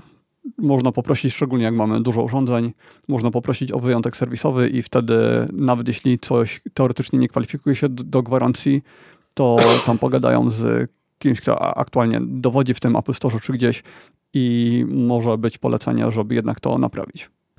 Ja, ja w, to może przejdźmy teraz do e, rodzajów workflow, jakie tutaj e, podejrzewamy, że, e, o których będziemy w zasadzie rozmawiali. Być może coś jeszcze dodasz do listy, a potem zrobimy sobie przerwę na sekundę. Ale zanim to zrobimy, to, to rodzaj workflow, jakie ja widzę, tak wiesz. Pierwszy to jest taki typowy biurowy, czyli taki office slash internet, jak sobie zapisałem, czyli typowe zadania typu przeglądarka internetowa, klient do poczty, wysyłanie wiadomości, wysyłanie maili, e, manipulowanie plikami. E, mówimy tutaj o Office, o Google Docsach, o, docs, o tych, o narzędziach Apple'owych do tych Office'owych. Tego typu zadania, takie typowo biurowe. Teraz tak, typowo biurowe zadania nie obejmują E, gigantycznego jakiegoś Excela, który ma 100 e, milionów komórek i formuły i tym podobne rzeczy, które wymagają potężnego komputera, e, to jakby mówimy tutaj o prostych rzeczach, proste biurowe, tekstowe zadania. To jest dla mnie biurowa maszyna. Słucham Ciebie. To ja tutaj bym nie miał absolutnie żadnego dylematu. Kupowanie sprzętu na Windowsie do czegoś takiego dzisiaj nie ma żadnego sensu. Po prostu zero. Do tego tylko Mac na M1. I to na zwykłym M1, taka podstawowa wersja. Tak naprawdę to do tego nawet 8 GB RAMu by wystarczyło, chociaż pewnie wolałbym 16. Ale tak, ta podstawowa wersja i cisza, spokój. Mm, I, i jeszcze jedna rzecz, o której tutaj... nie wspomnieliśmy. No. Y, M1 albo M2, tak. Y, że taki komputer biurowy y, w przypadku, kiedy się go, znaczy jakikolwiek Mac jeśli go wymienimy po pięciu latach na inny model, to tylko podpinamy Time Machine do niego i wszystko się przeniesie. Wszystkie aplikacje, pliki, nawet ułożenie okien, nie okien, ikonek na pulpicie, wszystko będzie tak jak na starym. Tak. No na Windowsie nie. Na Windowsie to jest praktycznie, znaczy można próbować, w praktyce wiemy, że to nie działa zbyt dobrze i tak naprawdę już sama zmiana karty graficznej y, powinno się wtedy odinstalować z systemu specjalnymi narzędziami y, to, y, te sterowniki i instalować nowe. Y, więc nie da się czegoś takiego zrobić na Windowsie. Mm, ale tak, wracając do tego, Office, internet, dla mnie tylko Mac. I nawet biorąc pod uwagę cenę, znaczy nie, inaczej. Biorąc pod uwagę cenę, no to tutaj się zaczynają dylematy, bo taki komputer może być bardzo, bardzo tani. To może być tak naprawdę nawet Chromebook. Nie na Windowsie komputer, tylko e, Chromebook. I dużo narzędzi do biura jest webowych, więc one tak naprawdę nie po potrzebują w ogóle wydajności komputera. Ale no, praca na Macu byłaby do tego dużo, dużo przyjemniejsza. To taki protip sprzedam. Jeżeli przypadkiem będziecie mieli 8-gigowego takiego biurowego e, Maca do pracy, nie używajcie Chroma pod żadnym pozorem, tylko e, skuście się jednak na Safari, bo nie dość, że jest dużo szybsze, e, dużo lepiej wpływa na baterię, to przy okazji zdecydowanie lepiej sobie radzi, jak jest mało RAMu. Mhm, tylko okay. niektóre narzędzia biurowe wymagają tak, Chroma. Niestety. Ale to wtedy zamiast Chroma są inne y, odpowiedniki, które działają na tym samym silniku, więc y, można się na to skusić. E, dobrze, gaming. W zasadzie to jest zawsze dla mnie zaskoczenie w tej chwili, bo odkąd mamy Apple Silicon, to da się grać na Macach, na laptopach makowych nawet w miarę sensownie, ale nie jest to nadal czynność, którą w zasadzie sobie wyobrażam, żebym chciał robić. Ale teoretycznie się da. Natomiast nie, nie wiem, jakie ty masz zdanie na ten temat. Tylko Windows. Czyli zupełne przeciwieństwo tego poprzedniego. Tu w ogóle o Macach nie ma rozmowy, dlatego że y, nie ma gier. Po prostu. To trzeba kombinować, trzeba odpalać gry przez Rosetę, przez Parallesa, przez, jak się nazywa to, to najlepsze rozwiązanie do, e, do odpalania gier Windowsowych. Mm. Teoretycznie no, jest to, nazywa się Apple Arcade. Tłumaczone w locie. Nie, nie o tym mówię. Słuchajcie, ja powiem tak, gier... jeżeli jest, jeżeli chce, macie jedną, dwie gry, gdzie chcecie rzeczywiście sobie coś pograć przy okazji, a nie, że to będzie komputer do grania, typu dzieciakowi nie kupujcie Maca jako komputera do grania e, w żadnym wypadku. Natomiast jeżeli wy chcecie sobie w coś pograć przy okazji jak, jak tego, to jak najbardziej. Oczywiście, jak macie, znajdziecie tą grę i jest dostępna na Maca i tak dalej. Ale dzieciakowi nie kupujcie Maca, żeby grał, bo będzie go szlak trafiał, będzie ograniczony, e, nie będzie mógł grać w to, co koledzy czy koleżanki, po prostu Windows. E, nawet mhm. jeśli to pytanie jest, e, czy, czy Steam na macOS. Jest Steam, no i co z tego, jak e, z, nie wiem, dziesiątek tysięcy gier masz dostępnych kilkaset tylko na Maca? Jeśli tyle. Tak, jest nadzieja. Dlatego, że Proton, są prace nad tym, żeby Proton działał na Macu. I jak wiemy, od czasu, kiedy Steam Deck istnieje, to Proton ma się świetnie i tam bardzo jest rozwijany. Gdyby się pojawił na macOSa, to być może faktycznie mielibyśmy szansę zacząć grać w prawie wszystkie gry. Może poza tymi sieciowymi. Y, no, ale to jest przyszłość, więc jeśli gadamy o dzisiaj, to nie. E, przepraszam, niechcący e, kliknąłem coś. Ja, Rafał napisał tutaj o grach, a, a konkretnie o Flight Simulatora X czy jest na Maca. To jest ten z 2000 roku, z tego co pamiętam, czy, czy e, nawet starszy, czy z, przepraszam, z 10 roku, a może jeszcze starszy. E, nie, nie, wiem, czy on był na Maca dostępny. E, jedyne, co jest w tej chwili współczesnego, jeśli chodzi o symulatory, co jest dostępne na Maca, to jest Explain i on działa również na Linuxie. I jak chcecie, jakby cross-platformowy symulator, to tylko Explain. 11 i 12 w tej chwili nowa działają na Windowsie, na Macu i na Linuxie. Dobrze, następne zadanie. E, montaż wideo ogólnie. I tutaj e, chciałbym też rozróżnić montaż hobbystyczny e, od takiego profesjonalnego. I to też profesjonalne też będzie różne zastosowania. Wszystko zależy od tego, ile tego robicie, jak duże to jest, jak długie to jest, w jakiej rozdzielczości to jest. jak robicie to profesjonalnie, to wiecie, co potrzebujecie. Jeżeli robicie to hobbystycznie i nie macie pojęcia, co robicie, podpowiem wam, jeżeli będziecie mieli 16 GB RAMu i M1 lub szybszy SoC, to sobie poradzicie z montażem takich, nie wiem, wakacyjnych filmików z iPhone'a w 4K bez żadnych problemów, czy nawet lepszych aparatów niż, niż iPhone. M1 wam do tego wystarczy. E, oczywiście, im lepszy procesor, e, im więcej RAMu, tym łatwiej wam będzie. Hobbystycznie nie, nie ma żadnych jakichś tak dużych potrzeb.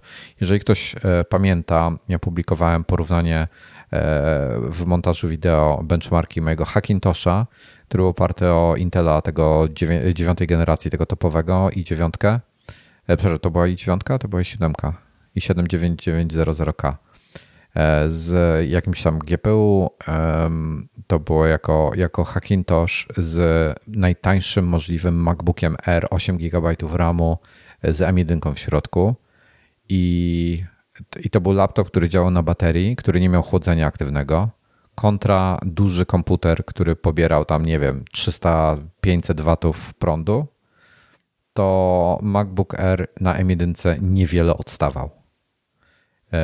E, i, to, i, i tamten komputer Hackintosh miał 64 GB RAMu, ten miał 8. I ten naprawdę niewiele odstawał, więc poradzicie sobie. No i karta graficzna w tym Hackintoshu to był 5700 XT, czyli wtedy jedna z najszybszych kart.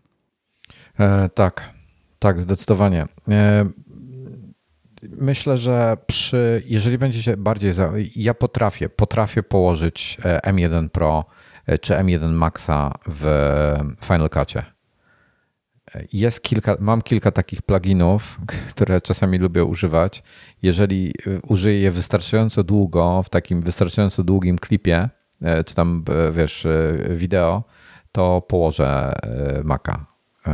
Na, nawet jakiegoś M1 Maxa. Ale to jest raczej rzadkie zastosowanie, bardzo rzadkie.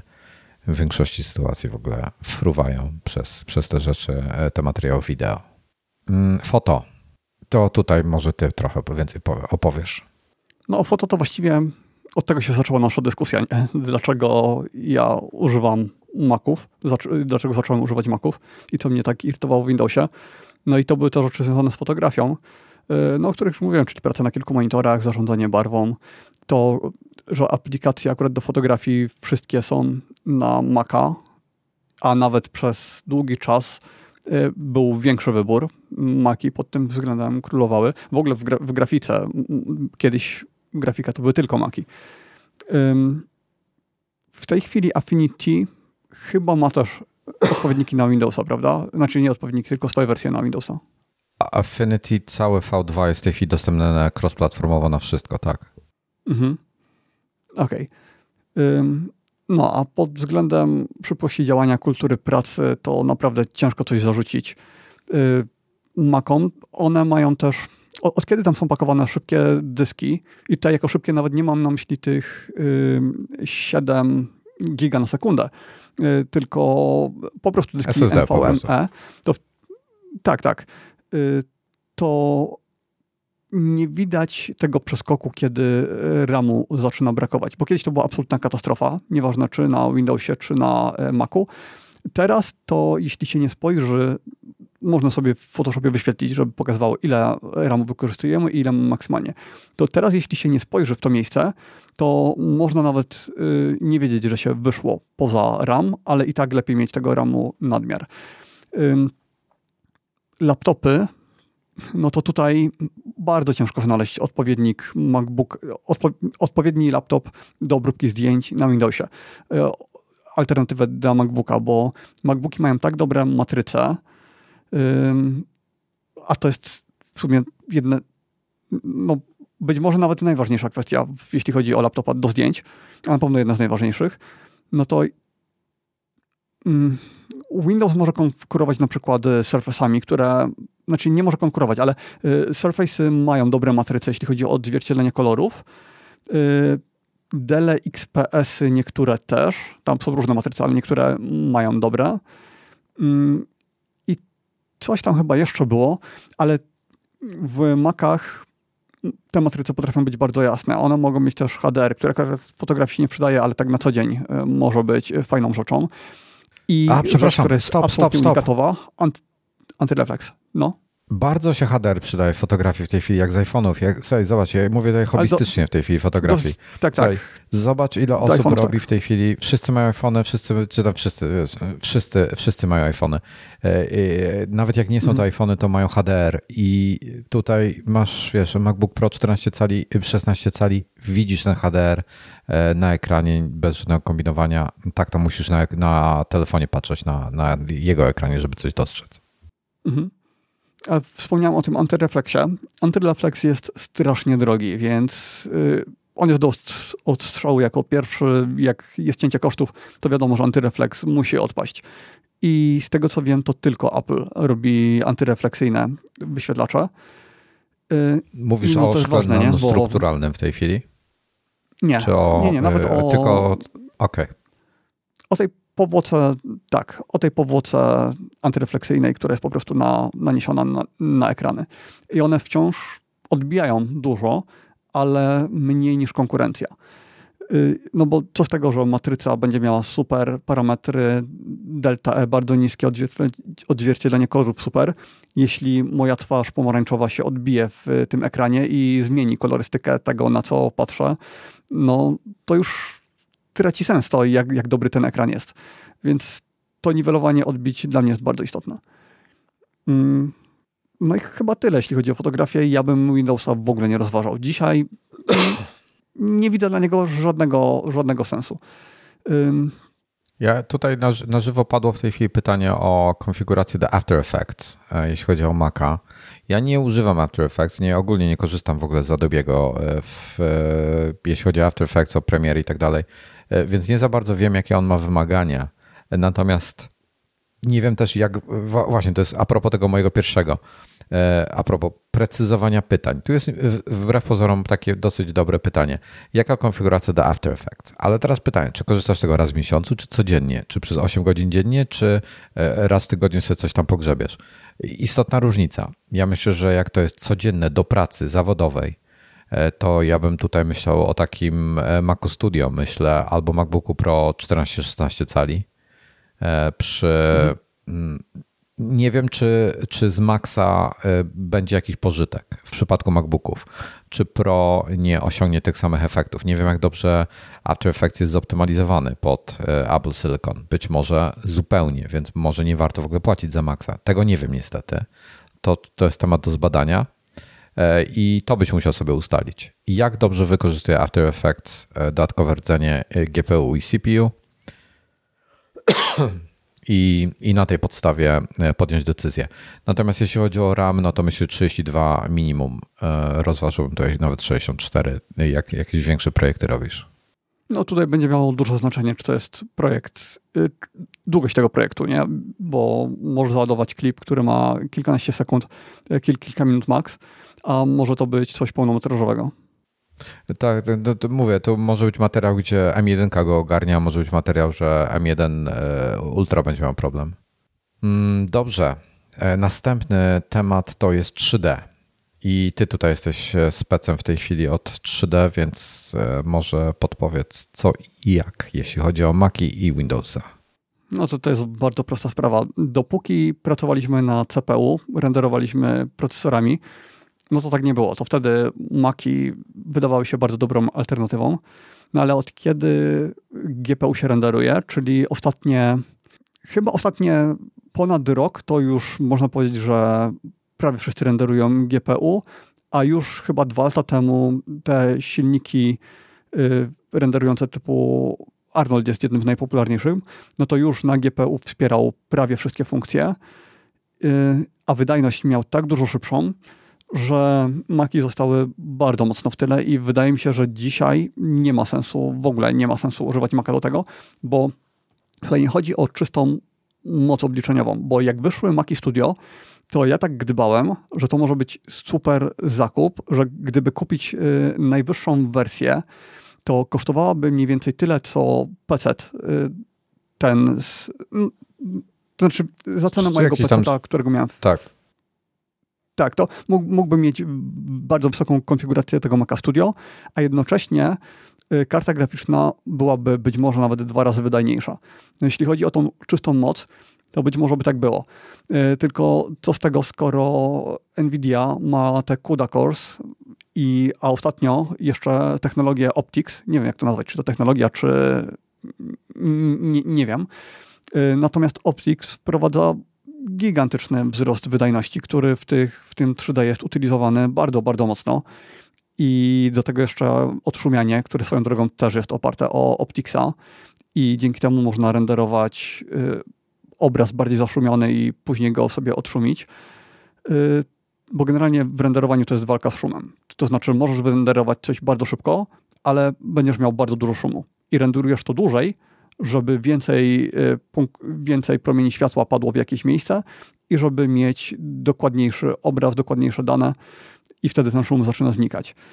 E, no ale technologia teraz pozwala go też programowo częściowo zniwelować.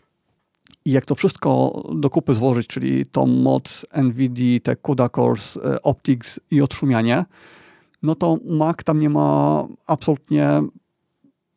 On, on tak bardzo zostaje w tyle, że nie da się go chyba w ogóle rozważać w tej chwili jako alternatywę, nawet jeśli mówimy o M1 y, Ultra. Ja myślę, że jedyne ewentualne zastosowanie to jest mobilne. Jeżeli musisz gdzieś latać z komputerem dosłownie y, i całkowicie mobilnie pracujesz, to nie wiem, czy bym nie tego. W ogóle słuchaj, miałem ostatnio demo, y, tylko nie pamiętam jaka czekaj, aplikacja. Czekaj. Znasz aplikacje 3D znane na Maca? No dobra. Możesz mi wymienić tytuły? Maja, Takie Blender, dla, pro, dla... Cine, dla prosów. No, tak, Cinema, Cinema e, 4D, 3D z Maxa już nie ma w nowych wersjach. Mm. Ja nie pamiętam. Słuchaj, Unreal Engine demo... też istnieje. Houdini, e... nie, Houdini go chyba nie ma. O, teraz prawda. To to nie było Houdini. Wiesz co, ja miałem ostatnio demo zrobione e, na MacBooku Pro 14 cali konkretnie. E, albo Mai, albo Cinema 3D. Nie jestem pewien w tej chwili, nie pamiętam, wiesz. E, z, e, było to demo zrobione na bazie materiałów z e, Jurassic World Dominion, o którym ostatnio rozmawialiśmy w kąciku filmowym, który ma dużo efektów 3D, mhm. jak zapewne wiecie. To, to bardzo mi to zaimponowało, co można zrobić na MacBooku w, i, i wiesz, to było jakby na oryginalnych materiałach w bardzo wysokiej rozdzielczości robione. Natomiast nie wiem, co byłoby możliwe do zrobienia na Windowsie. E, wiesz co chodzi?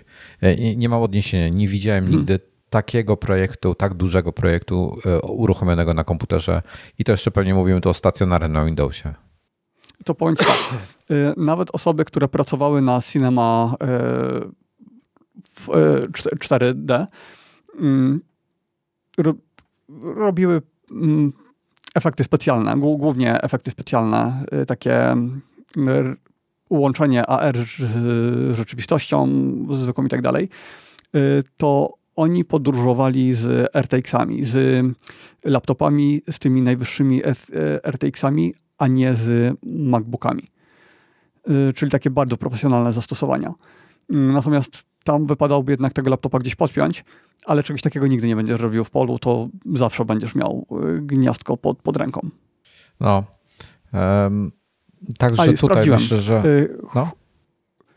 Houdiniego nie ma natywnie na Maca, a Houdini to jest taka aplikacja na Maca zaawansowana, która pozwala na proceduralne generowanie rzeczy i no, ta branża mocno zmierza w kierunku tej, tej aplikacji. E, ja nie jestem w stanie konkretnie żadnego jakiegoś rozwiązania 3D, e, w sensie konkretnego komputera pod 3D polecić wam, jeśli chodzi o Windowsa i tak dalej. I mówię tutaj o laptopach na przykład. Osobiście nie wiem, trzeba by zrobić research. Nie, nigdy nie robiłem researchu pod kątem 3D laptopów Windowsowych. Natomiast jeśli chodzi o Maca, no to jedyne co sobie wyobrażam, że miałoby jakikolwiek sens, to jest 14 albo 16 cali na maksa wypasione po prostu. bo to jest prawdopodobnie mhm. najbardziej e, naj, czynność, którą najbardziej jesteście w stanie obciążyć. Ewentualnie jakieś zaawansowane e, matematyczne obliczenia jeszcze, o których tutaj o których tutaj nie będziemy teraz rozmawiali. E, za, za przykład, Ale jeszcze, żeby nie, kończyć bo, już. Ale nie, nie, wiesz co? Bo obliczeniami Chyba nawet nie, nie obciążysz, prawda? zutylizujesz, a w 3D jesteś w stanie jednocześnie i kartę graficzną zagotować i procesor. Tak. E, to znaczy teoretycznie są na, są na jakichś, wiesz, na, na uniwerkach i tak dalej, te naukowe działy wykorzystują wszystko, żeby, żeby liczyć różne rzeczy matematyczne, mhm. obliczenia jakieś robią. Wiesz, mówię tutaj o jakichś NASach, jakichś innych e, laboratoriach, które, które jakieś badania prowadzą i tam bardzo zaawansowane są te niektóre e, zadania, więc wiesz, nie wiem, podejrzewam, że raczej oni tutaj korzystają ze specjalistycznych farm komputerów wręcz albo superkomputerów E, co jest zdecydowanie wygodniejsze dla nich. A właśnie. E, hmm. Bo to, to, jeszcze dopowiem, że w 3D jest tak, że e, nie trzeba renderować tego lokalnie. To jest integracja z chmurą i można robić rendery w chmurze. Natomiast wcześniej trzeba widzieć, co się będzie chciało wyrenderować i nawet pojedyncze klatki wyrenderować u siebie, jeśli nie całą animację. I renderowanie tych pojedynczych klatek, no to też jest uciążliwe. Poza tym, na przykład w Blenderze fajnie działa podgląd na żywo wyrenderowanego obrazu I no, do tego już musi być to odszumianie, do tego musi być ten RTX tego na Macu. Działa to tak słabo, że jest ledwo co używalne. E, jeszcze jako ostatni rodzaj e, pracy, rodzaj jakiś workflow i tak dalej, e, dodałem CAD i CAM. I tak naprawdę, no Autodesk jest wszędzie. Nigdy nie miałem styczności w tej chwili ze współczesnym jakimś Autodeskiem czy innymi, innymi CADami, kamami na, na, ani na PC, ani na Windowsa, e, tfu, ani na Maca, więc ciężko mi jest coś powiedzieć e, w tej kwestii. Ja pomyślałem, że może ty masz jakieś doświadczenie i jak bardzo obciążające to jest w tej chwili dla systemu. Czyli ja mam doświadczenie tylko z Fusion 360, ale to jest kiepski przykład, bo on na Macu jest przez Rosetta, czyli ta warstwa translacyjna, Mm, no i działa tak koszmarnie, że jest to najgorzej działająca aplikacja, z jaką kiedykolwiek miałem styczność jest kompletnie nieużywalny. Y, więc no, tutaj tylko Windows do Fusion, ale nie wiem jak inne kady. One też nie polegają Ej. na karcie graficznej aż tak bardzo jak y, te oprogramowanie do robienia 3D pod gry i pod wszystko inne.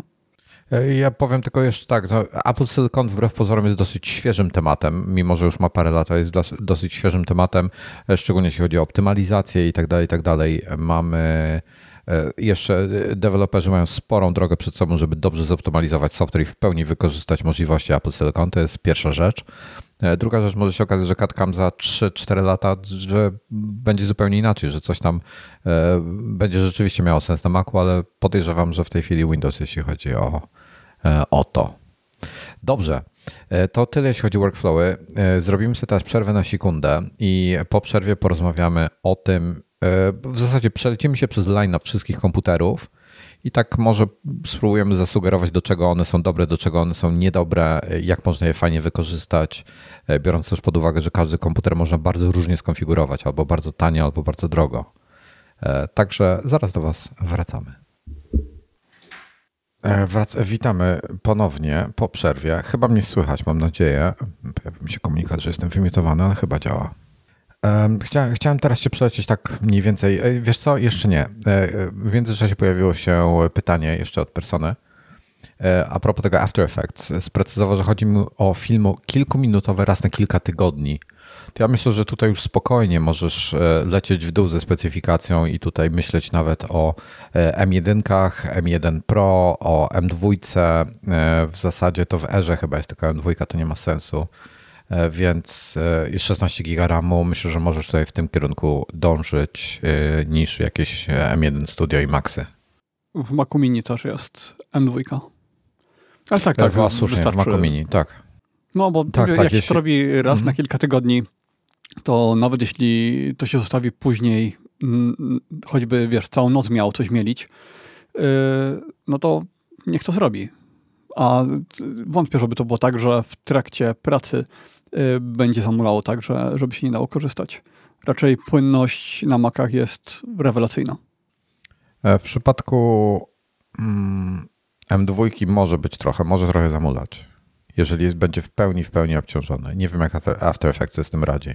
E, w przypadku, w przypadku jakiś Pro już nie ma tej, tej e, dolegliwości, ale to będzie zależało w dużej mierze After Effects, biorąc pod uwagę, jak inne, inne te Photoshopy i inne Lightroomy są zoptymalizowane, Nie sądzę, aby był, aby był problem z tym, ale niewykluczone.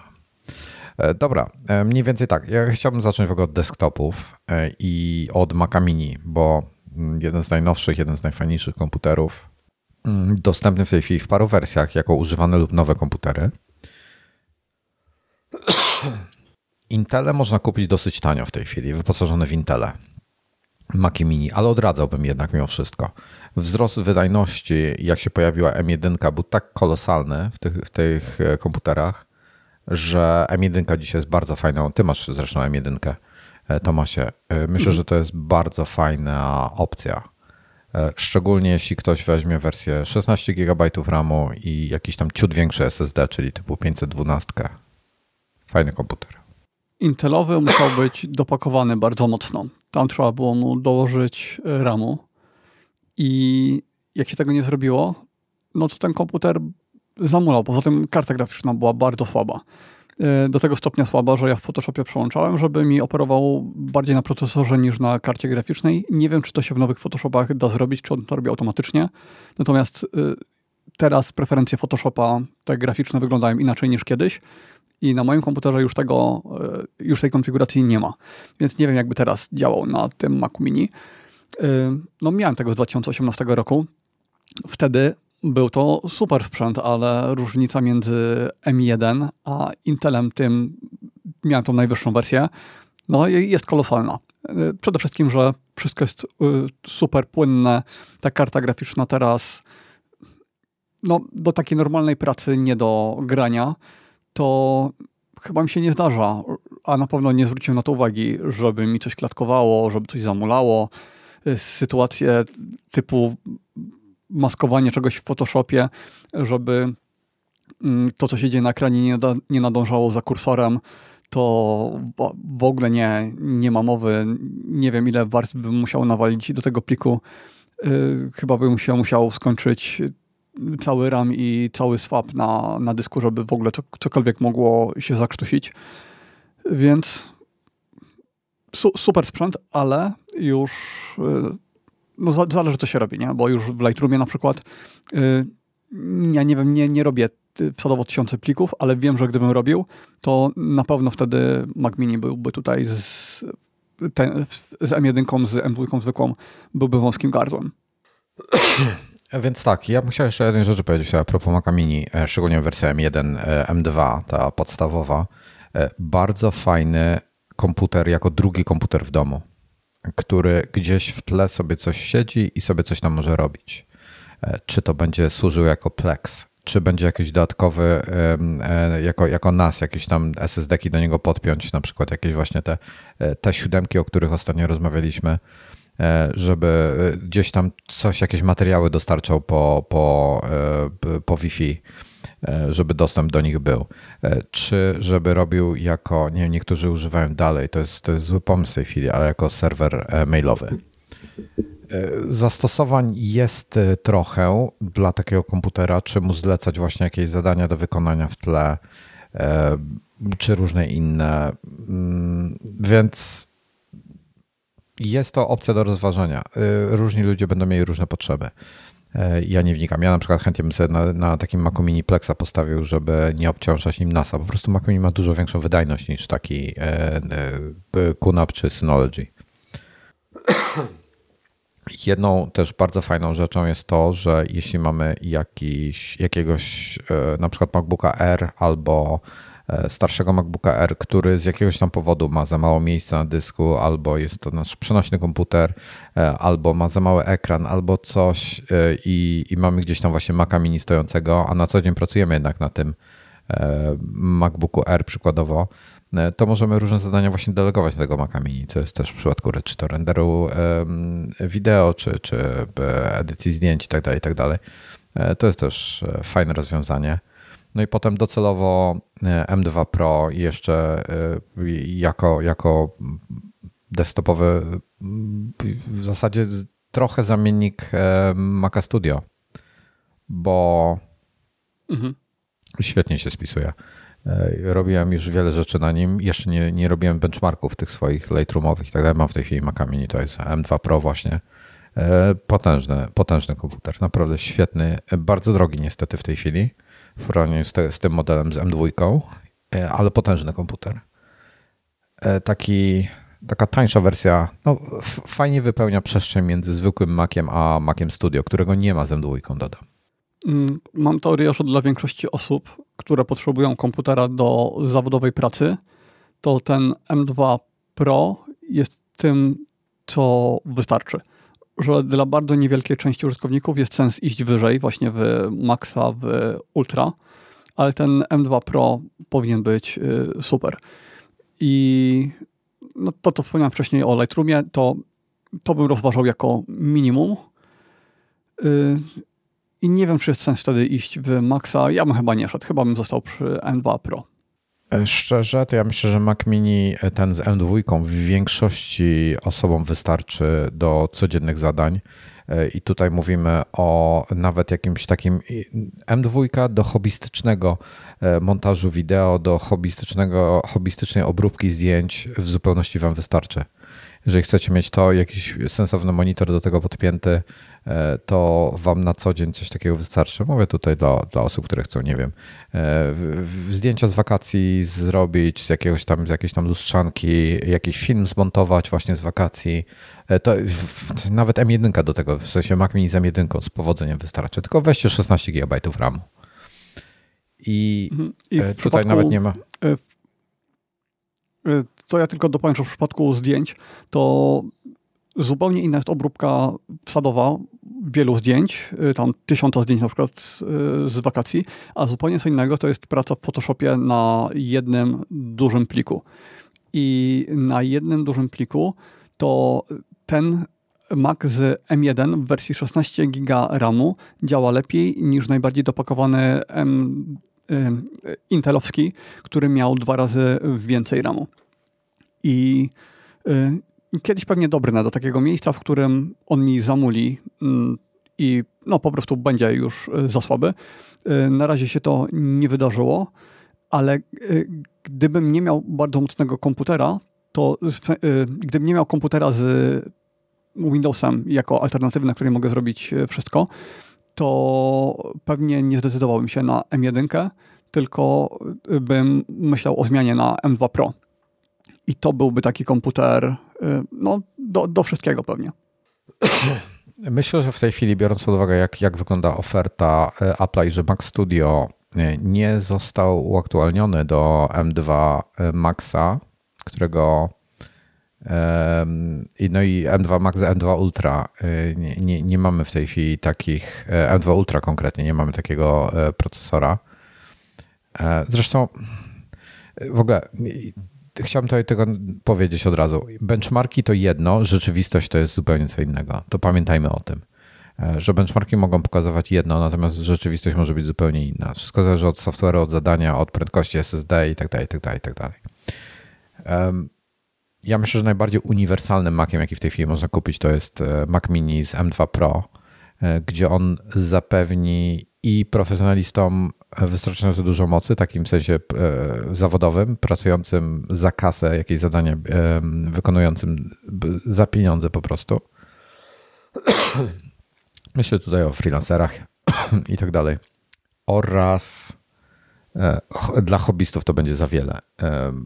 Nawet jeśli, jeśli będą jakieś wideo w 4K robili w Lightroomie, rawy montowali, czy obrabiali to, to spokojnie, to znaczy to, to będzie więcej niż potrzebują. E, także to jest dobra opcja. Mac Studio dzisiaj, czy, czy polecimy komuś konkretnemu Mac Studio? Ja bym polecił. No to, to jest ten przypadek, osobom... kiedy, kiedy jeśli ktoś potrzebuje, to wie, to tutaj nie ma. Tak. Znaczy, ja myślę, że... Bo, bo, teraz jeszcze, jest jeszcze ten dylemat między wersją Pro e, Maca Mini, a wersją Max e, Maca Studio. To tutaj ciężko doradzić.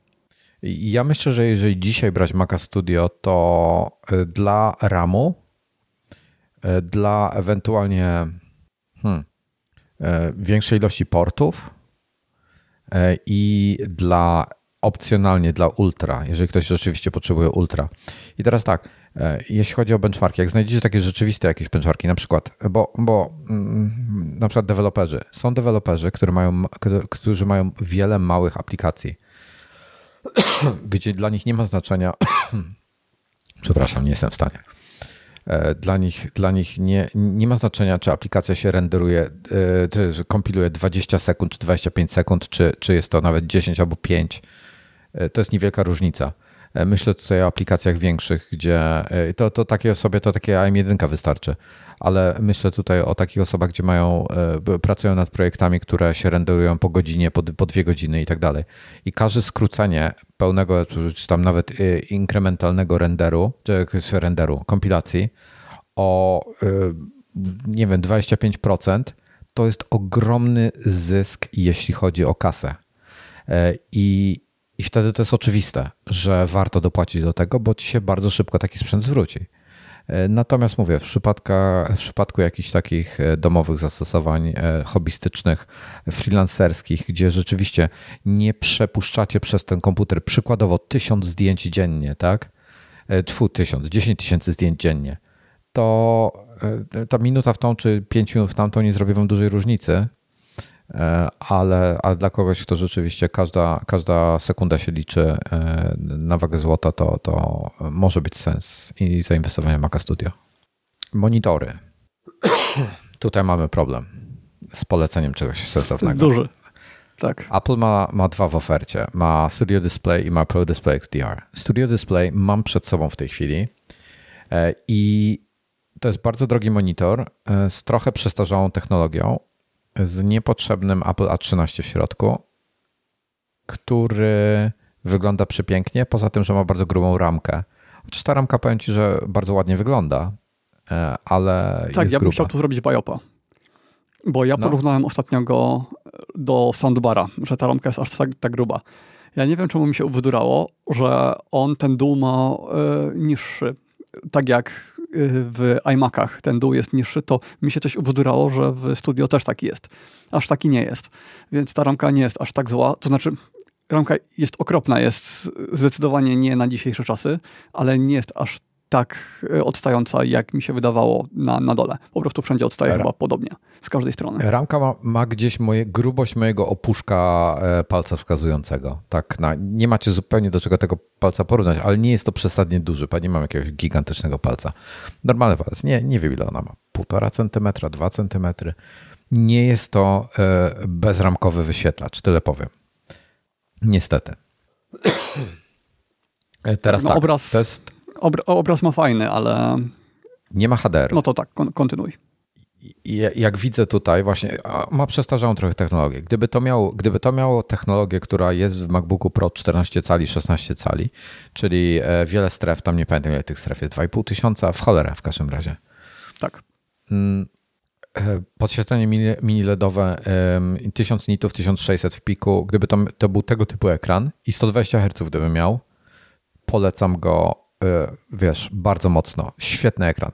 Tymczasem mhm. to jest bardzo tak. dobry ekran. Ma DisplayP3, e, bardzo ładnie świeci, nie ma HDR-u, więc tu zależy. Jeżeli na przykład chcecie robić wideo w HDR-ze, no to no nie, nie porobicie na nim, no niestety, no bo, bo nie ma takiej możliwości. Przynajmniej, żebyście oceniali, w sensie widzieli to, co, to, co rzeczywiście robicie. Um, nie wiem. E, do biurowej pracy jeżeli ktoś chce mieć tylko dla Maca, to jest, to jest komputer, to jest monitor, który nie będzie działał z niczym innym e, sensownie. E, nie, nie polecę go w żadnym wypadku, żeby go do Windowsa podłączać. E, to do, do jakiejkolwiek innej pracy niż HDR, czy takiej fotokrytycznej, gdzie rzeczywiście chcecie HDR, to polecę go. I, i, i gdzie nie zależy wam na 120 Hz, to po, muszę go polecić, bo naprawdę świetnie świeci. Ale powinien kosztować nie 8,5, a powinien kosztować za to, co oferuje, powinien kosztować 6 i no i powinien być lepszy. No po prostu powinien mieć więcej bajerów. Po drugie, no. dla mnie te odbicia są utrapieniem. Ja, ja, ja nie lubię, jak bardzo ta szklana powłoka odbija, a szkło nanostrukturalne podobno ma mocny negatywny wpływ na klarowność tego obrazu, że to, co jest największą zaletą właśnie tych, yy, yy, tych ekranów, że one są takie krystalicznie czyste, yy, no to z nanostrukturalnym szkłem już takie nie są, więc coś za coś. Tomasie, tutaj po mojej prawej stronie jest okno, przez które akurat słońce dzisiaj nie świeci, ale często świeci słońce. Ostatnio mi waliło po twarzy. E, tutaj przede mną jest studio display, gdzie jestem pod idealnym kątem, żeby mi wszystko odbijał. I powiem ci, że nie jest źle i naprawdę po, po, ta powłoka się poprawiła w tym studio display. W takich warunkach e, tutaj znaczy, wiesz, Ja go, ja go widziałem na żywo, nie? Ja, no. ja go widuję w sumie często Tylko, na, na żywo. Ale, ale widujesz go w bardzo jasno oświetlonym pomieszczeniu, co też zmienia trochę tak, tak. wrażenia. E, tu je, jestem zaskoczony, w sensie spodziewałem się, że będzie dużo gorzej. Pamiętam swojego iMac'a, e, to tutaj te powłoki są dużo lepsze, więc nie ma takiej tragedii. Nanostrukturalnego szkła właśnie nie, nie wiem, czy bym chciał, odważył się na to, żeby to wziąć. Mhm. No tym bardziej, że jest dopłata, więc jeszcze drożej. Tak. E, I problemy z czyszczeniem, bo tam są, jak tam się gdzieś jakieś oleje dostaną i tak dalej, to potem jest to prawie chyba niemożliwe do wyczyszczenia, to trzeba do serwisu chyba wysyłać. Dobra, alternatywą jest Pro Display XDR, który kosztuje 20 parę tysięcy złotych do 300 tysięcy złotych, zależy jaki stojak weźmiecie i tak dalej, i tak dalej. To jest monitor, który jest genialny. 31,5 e, mm. cala, 6K, e, ma mini LED, niezbyt, e, nie, nie za wiele stref, ma full podświetlenie, znaczy wspiera HDR i tak dalej, i tak dalej.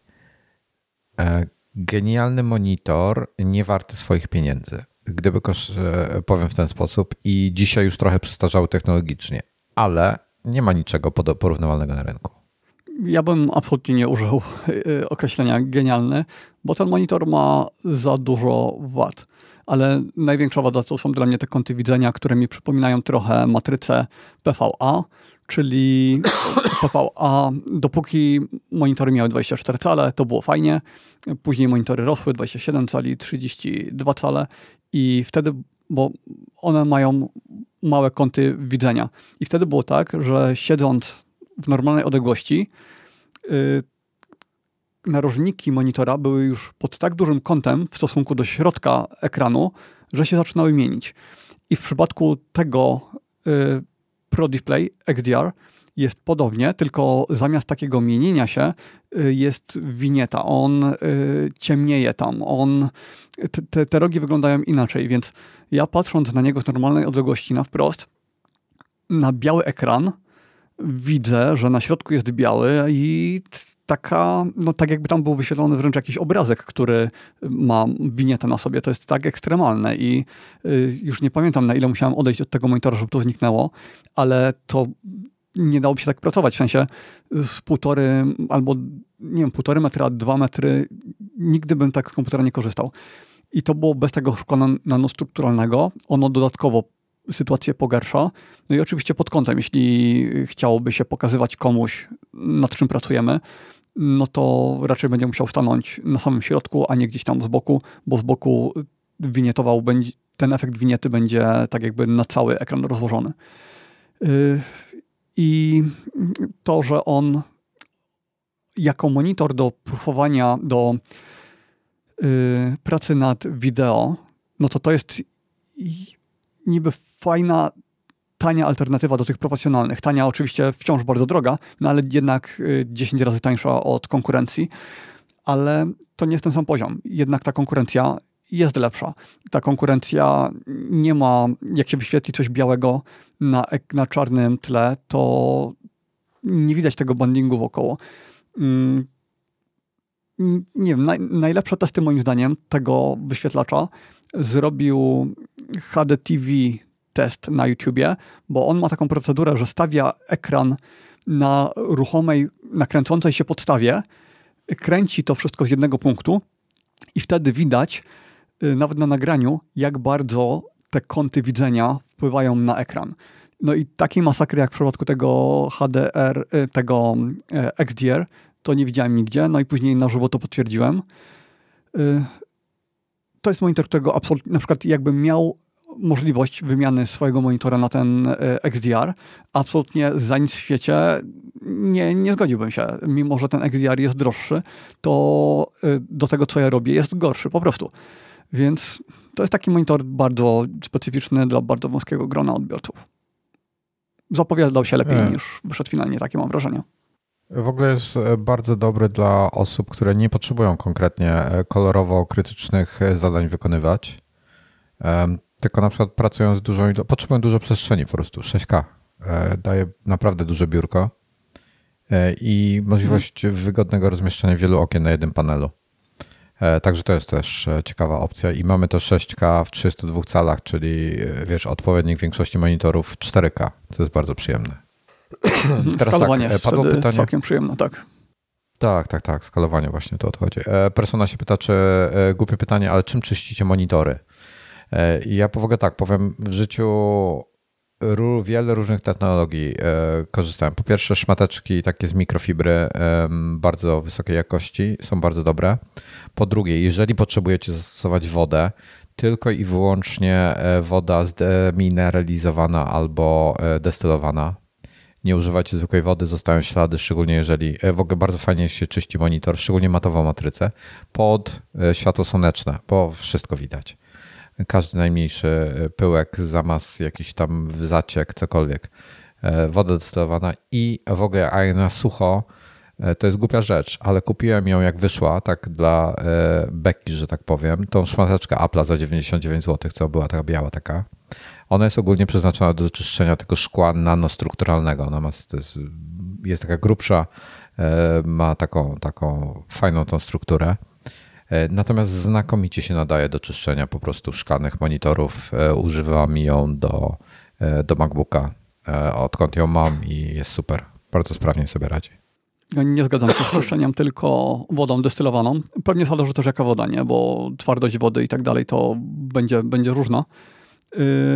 Natomiast no, nawet w sklepach takich, gdzie mm, sprzedają monitory dla profesjonalistów, no to tam bardzo często używa się po prostu wody, szmatki właśnie z mikrofibrą, ale bardzo dużo zależy od powłoki ekranu, bo na przykład y, nigdy nie zapomnę satyny z monitorów EIZO y, CX240, CG246, 276, tamta, y, tamte modele, to to był koszmar. One się bardzo szybko, on, po pierwsze bardzo zbierały kurz, po drugie bardzo łatwo je było, jak się dotknęło, to od razu zostawały ślady i bardzo ciężko się to czyściło. Tak naprawdę bardzo, bardzo ciężko. Yy, ale i to był najbardziej hardkorowy monitor, jaki miałem pod względem utrzymania czystości. Yy, ten obecny mogę spokojnie czyścić, też jest statynowy, ale spokojnie mogę go czyścić y, wodą i taką zwykłą wodą i mikrofibrą. Y, najważniejsza rada no to, żeby nie przegiąć z alkoholem do czyszczenia, że niektóre środki mają alkohol i to może być na przykład 99% y, izopropylu, ale to może być też jakaś inna mieszanka. No i można uszkodzić w ten sposób ekran.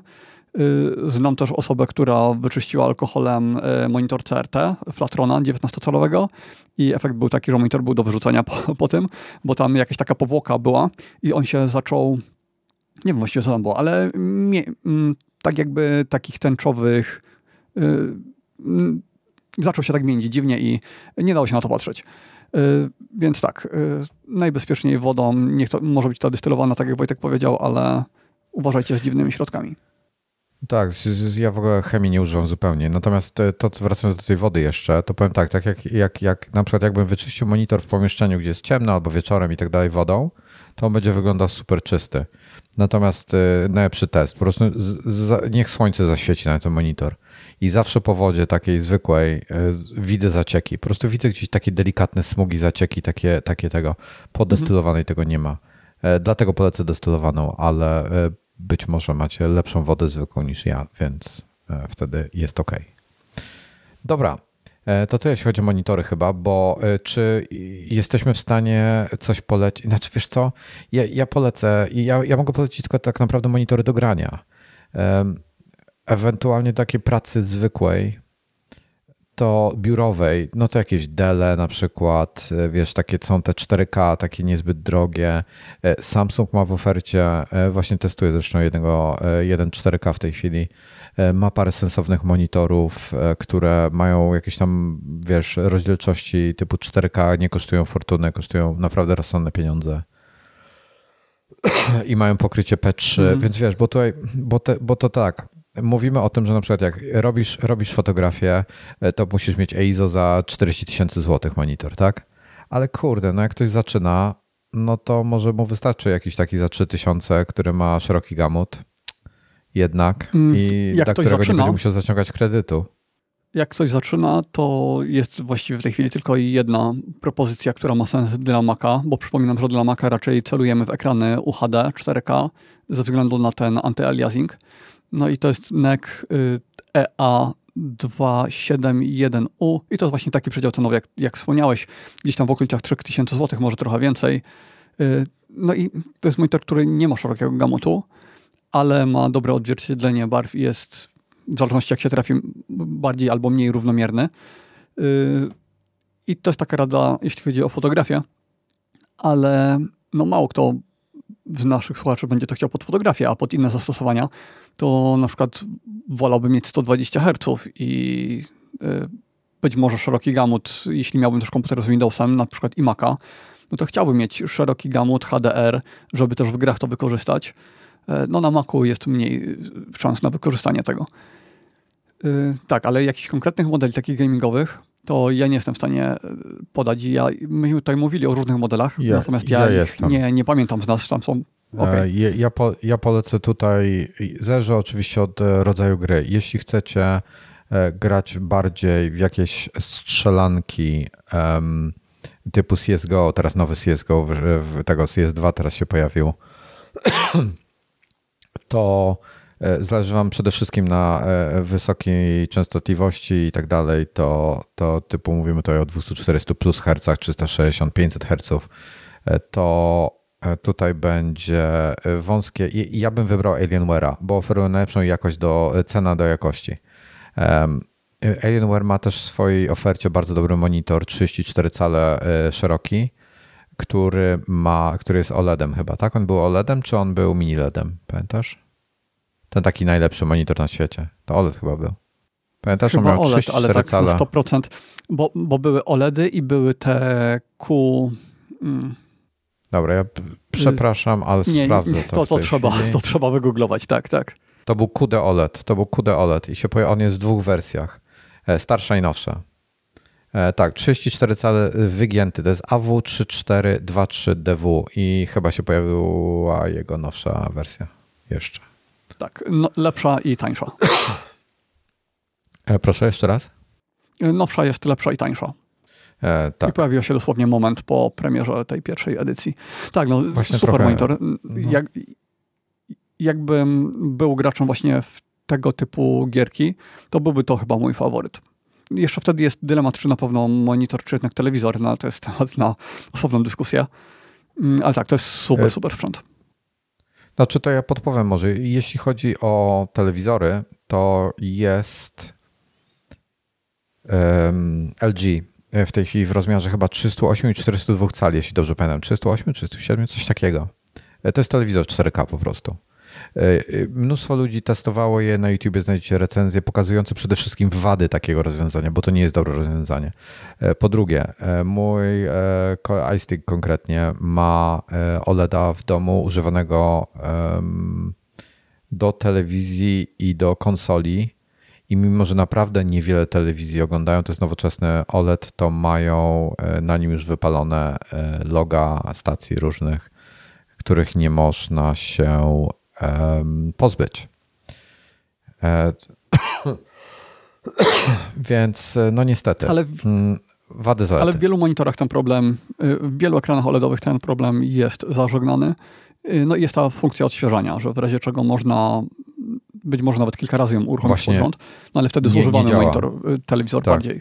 Nie, nie pomogła u niego. U niego po prostu jest, są loga telewizyjne, mm, nie, nie jest w stanie z tym nic zrobić spodziewam się, że w przypadku e, interfejsów makowych, ten górny pasek, na przykład dock, e, dolny pasek w Windowsie, e, taskbar i tak dalej, tak dalej, to wszystko po prostu zostanie na OLEDzie na stałe. Spodziewam się, przynajmniej z czasem. Dobra, wracając jeszcze teraz do monitorów. Samsung.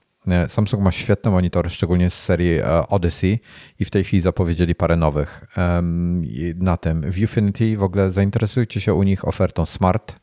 Mają te monitory Smart, mają e, Viewfinity monitory, które są też bardzo fajne. Teraz jest nowy e, S9, który ma rozdzielczość 5K w 27 calach, czyli macie taką retinę, retinę jak, jak powinna być. I co jeszcze było? A, no i oczywiście NIO, NIO G9 czy G9 NIO który to są dwa, to jest zakrzywione dwa panele 4K obok siebie, czyli 7680 e, na 2160, 120 e, albo 160 Hz, już nie pamiętam. E, absurd on jest w kilku kompletny. wersjach, bo, bo on też występuje jako OLED i one się różnią. A to już jest inny monitor. To już, to, już, to już jest fizycznie inny monitor, w sensie inną nazwę. To znaczy ma nazwę G9 OLED, z tego co pamiętam, tak. Jest G9 Nio, jest G9 OLED i jest e, coś jeszcze. Ja pisałem o nich. My rozmawialiśmy o nich to jakiś czas temu. Mhm, tak, tak. Mm, sprawdzę dokładnie tak, żeby nie było wątpliwości. Mm, jest tak. A tak, bo to jeszcze te starsze są G8 i tak dalej. Mm. Mhm, tak, jest w wersji OLED G9, e, Nio OLED G9. E, I, I to dodam jeszcze tylko, że każdy z nich ma tam trochę inne. Nie, nie mogę wpisu znaleźć. A, dobra, znalazłem, ok. E, każdy z nich ma inne parametry. To znaczy, to, to nie jest tak, że jest ten sam monitor dostępny z różnymi e, matrycami. Przykładowo, Odyssey Neo G9 to jest 49 cale, 40, przepraszam, 57 cali, krzywizna 1000R i to jest mini LED, który ma tą rozdzielczość. 7680 na 2160, czyli to są dwa monitory 4K obok siebie. E, potem jest OLED G9, który ma już nie 59, 57 cali, a ma 49 cali. Inną zupełnie krzywiznę, 1800R e, proporcje 32 na 9 ma 240 Hz. W ogóle super wyglądają te monitory. Viewfinity S9 to jest ten, o którym mówiłem, to jest taki bardziej tradycyjny 3 na 2 monitor, który ma 5K. E, I w ogóle bardzo ciekawy jest i Smart Monitor M8 też, który ma 4K, 27 cali. E, on ma też parę fajnych funkcji. Więc no i są jeszcze niższe modele. To są te jakby topowe, to są te flagowe modele. E, mają jeszcze tańsze wersje, więc jest w czym wybierać. Jak się popatrzysz w ogóle na twórców, na youtuberów na przykład, to mało kto z nich korzysta z takich naprawdę profesjonalnych monitorów, mimo że mają sprzęt za, wiesz, y, Bóg wie jakie pieniądze, to na przykład używają jakieś LG albo właśnie Samsungi, jakieś tego typu monitory. Mówię tutaj o e, pracy z kolorem też w jakichś Final Cutach czy innych premierach. Więc tak, nie wątpię, że się da. Tam się bardziej liczy, bo to mają wybór między monitorem za 200-300 e, tysięcy, yy, jakimś Sony, albo właśnie coś takiego, no bo te monitory do fotografii, to co z tego, że one mają e, dobre kolory, skoro one nie mają HDR-u, odświeżanie mają 60 Hz, no coś za coś. Coś za coś, także ciężko jest dobrać monitor i jest... to jest teraz, teraz jest lepszy okres, zaczynają się, teraz zaczyna się lepszy okres dla monitorów, e, szczególnie dla Mac userów, bo mamy, właśnie pojawiają się takie opcje jak Samsungowy, ten, ten Viewfinity S9, gdzie mamy w końcu alternatywę. To jest monitor, który, do którego nie podep podepniemy nie tylko Maca i będziemy mieli 5K, ale podepniemy też do tego PC-ta normalnie, więc nie jesteśmy ograniczeni, bo może się tak stać, że nie wiem, zmienimy branżę po roku i potrzebujemy mieć PC-ta Persona tutaj mówi jeszcze o Asusach z serii ProArt. Rzeczywiście są Ale to jest, bardzo drogie monitory. To jest tak obszerna seria, no właśnie nie, bo to jest tak szeroka seria, że tam masz monitory takie tanie i ekstremalnie drogie. Ja myślę tylko o Więc tych ekstremalnie drogich. No. Często... Mhm. Te ekstremalnie e... drogie to ciężko mi się na, na, ich temat wypowiadać, bo wiem, że do fotografii to tak nie, nie za ciekawe, ale być może do filmów są ok. No, mówię, nie mamy dostępu do, ty, do tych wszystkich monitorów, żeby jakoś porządnie zrecenzować, tym bardziej, że jest e, e, każdy, ten monitor do każdego, do grania będzie słaby, ale będzie świetny do fotografii, a inny odwrotnie, e, więc bardzo, bardzo ciężko niestety coś wybrać dzisiaj, ale do pracy biurowej wam podpowiem, będzie najłatwiej. Dobra, tyle. Skończmy ten temat monitorów, bo w zasadzie jest to niekończący się temat. E, ja od siebie mogę powiedzieć, że do takiej pracy biurowej, czy nawet e, hobbystycznej, jeśli chodzi o zdjęcia czy coś, to mogę go polecić, bo jest drogi jak cholera, ale jest świetnie wykonany, wygląda po prostu świetnie e, i no macie jakąś tam gwarancję, że z makami będzie działał bardzo dobrze. Mm, chociaż ponoć się wiesza, więc trzeba go z prądu wypinać. Dobra, zostały jeszcze dwa stacjonarne maki, o których nie rozmawialiśmy. i zostawiłem je po monitorach, dlatego że iMac 24 cale ciężko mi jest go polecić do czegokolwiek innego niż do przeglądania internetu. Tak. To, jest, to jest komputer, który dla mnie nie ma sensu żadnego. To jest fajny komputer dla no w zasadzie nawet nie wiem dlaczego, bo dzieciaki nie za bardzo chcą taki, po co im? Wolą mieć dotykowego mhm. jakiegoś iPhone'a. Tam jest M1 w środku, ale tam jest tak mało miejsca i tak szybko się to wszystko grzeje, że tam wentylatory non-stop wchodzą na obroty. Nie wiem. No i takie monitory się kupuje na bardzo długo. Y, komputer się zmienia częściej i to, że tutaj wyrzucamy monitor, bo komputer jest już za słaby, to jest dla mnie bardzo kiepskie rozwiązanie. Z drugiej strony 24 cale, to no, nawet 10 lat temu to już to już był duży kompromis, nie? że tylko jeśli się nie miało y, kasy na więcej al, albo miało się bardzo dziwny setup biurkowy w jakiejś wnęce dziwnej, gdzie po prostu z lewej strony szafka, z prawej strony szafka, no to wtedy to 24 cale.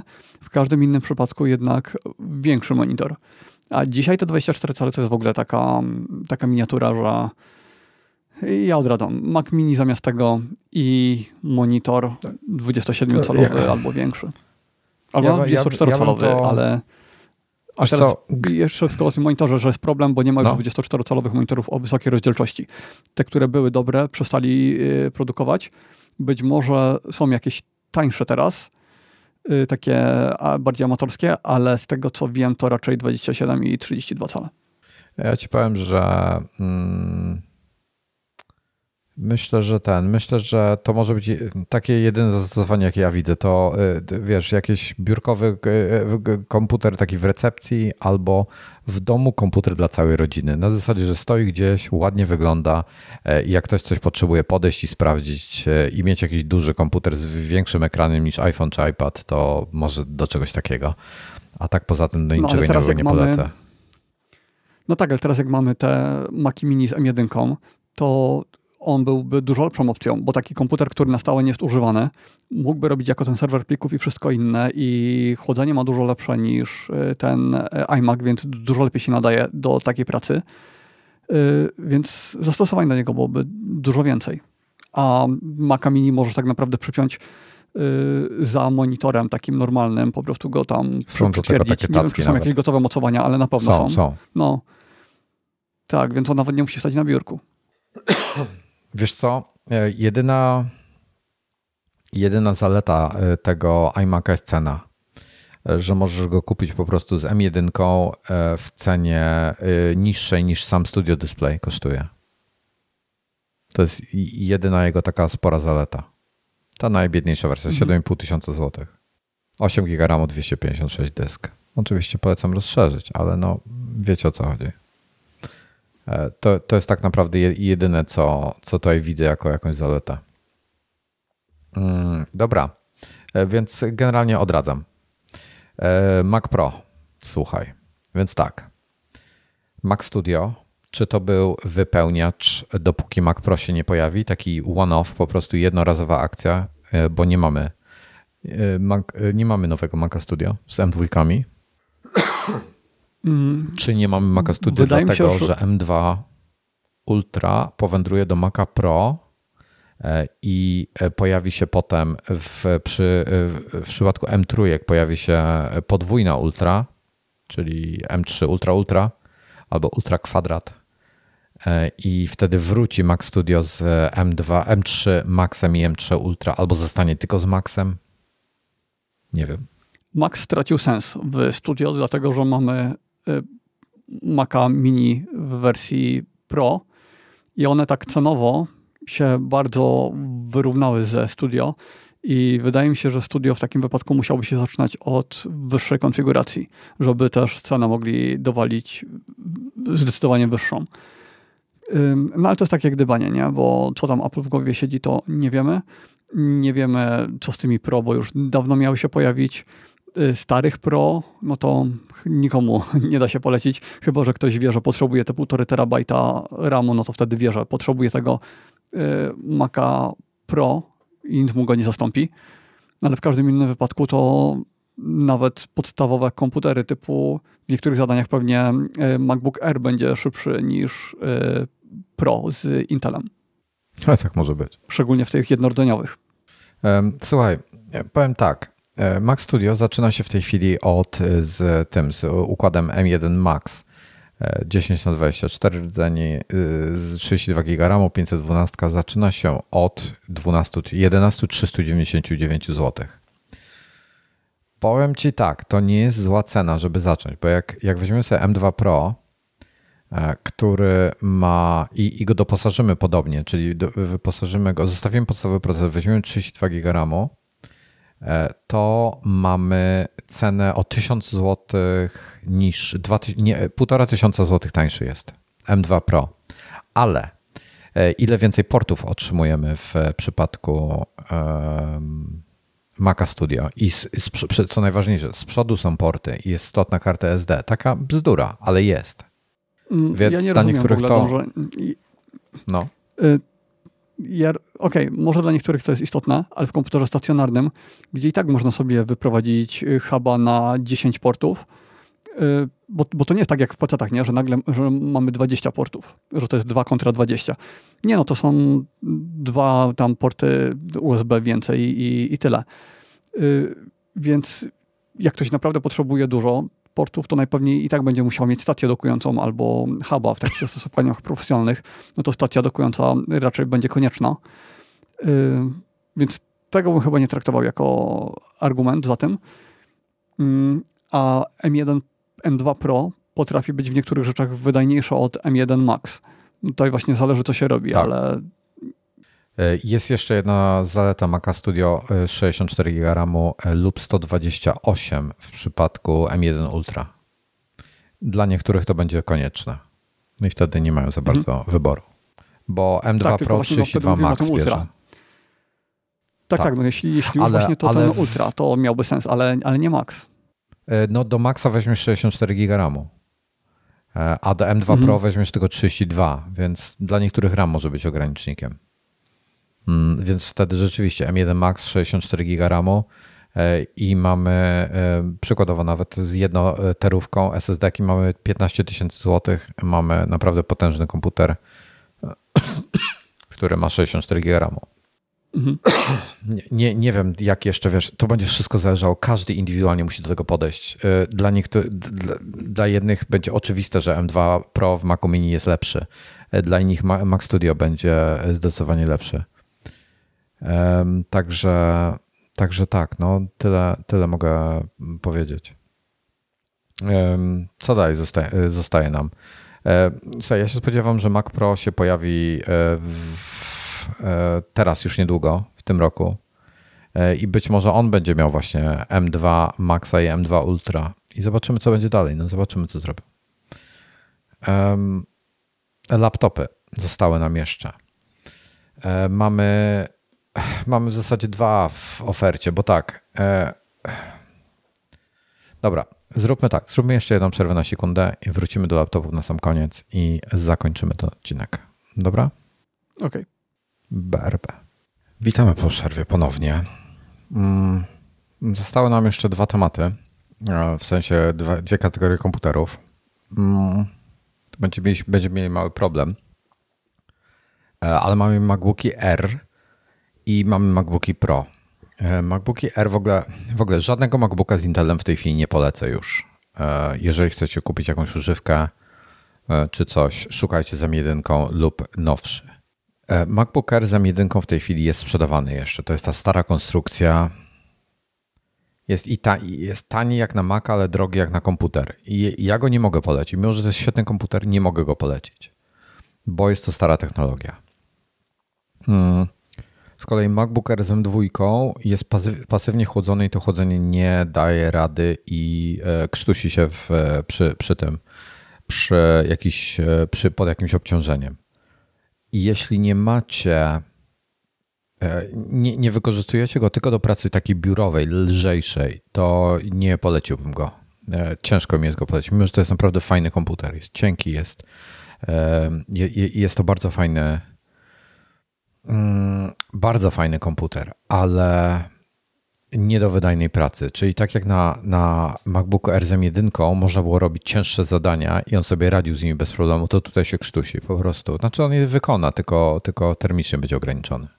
Mm, to ja powiem tak, że jakbym nie robił transmisji na żywo, gdzie nadaję obraz w 4K, gdzie go jednocześnie nagrywam, jakbym mm, nie edytował czasami wideo i tak dalej, to ten pasywnie chłodzony MacBook Air w Photoshopie by mi w zupełności wystarczył do pracy nad rawami, nad plikami, które mają po 5 GB, dziesiątki warstw i tak dalej, bo to jest coś, co y, na chwilę robi takie, że przez, przez moment on potrzebuje tej wydajności, po czym po chwili znowu spada i to tak, to jest taka fala. Kiedy na przykład w Lightroomie, no to nie, to jest po prostu na pełnej parze non-stop. Więc spokojnie mógłbym to wszystko w Photoshopie, co, co robię, robić na tym pasywnie chłodzonym MacBooku i bym nie zauważył pewnie różnicy między nim a najszybszym dostępnym komputerem, pod warunkiem, że nie byłaby to ta wersja 8 GB RAMu, najlepiej gdyby była wersja 24 GB. No to tak. Natomiast e, mało kto używa komputera do jakiegoś jednego celu, jednak chcemy mieć sprzęt uniwersalny. E, no i wtedy już się sprawa e, komplikuje. Mm, ja myślę, że w ogóle ten MacBook Air jest świetnym komputerem, tylko brakuje mu chłodzenia po prostu. Znaczy, wiesz co, gdyby w nim była M1, podejrzewam, że to byłby dużo lepszy komputer. Mm, albo M2 po prostu mhm, ograniczona tak. termicznie.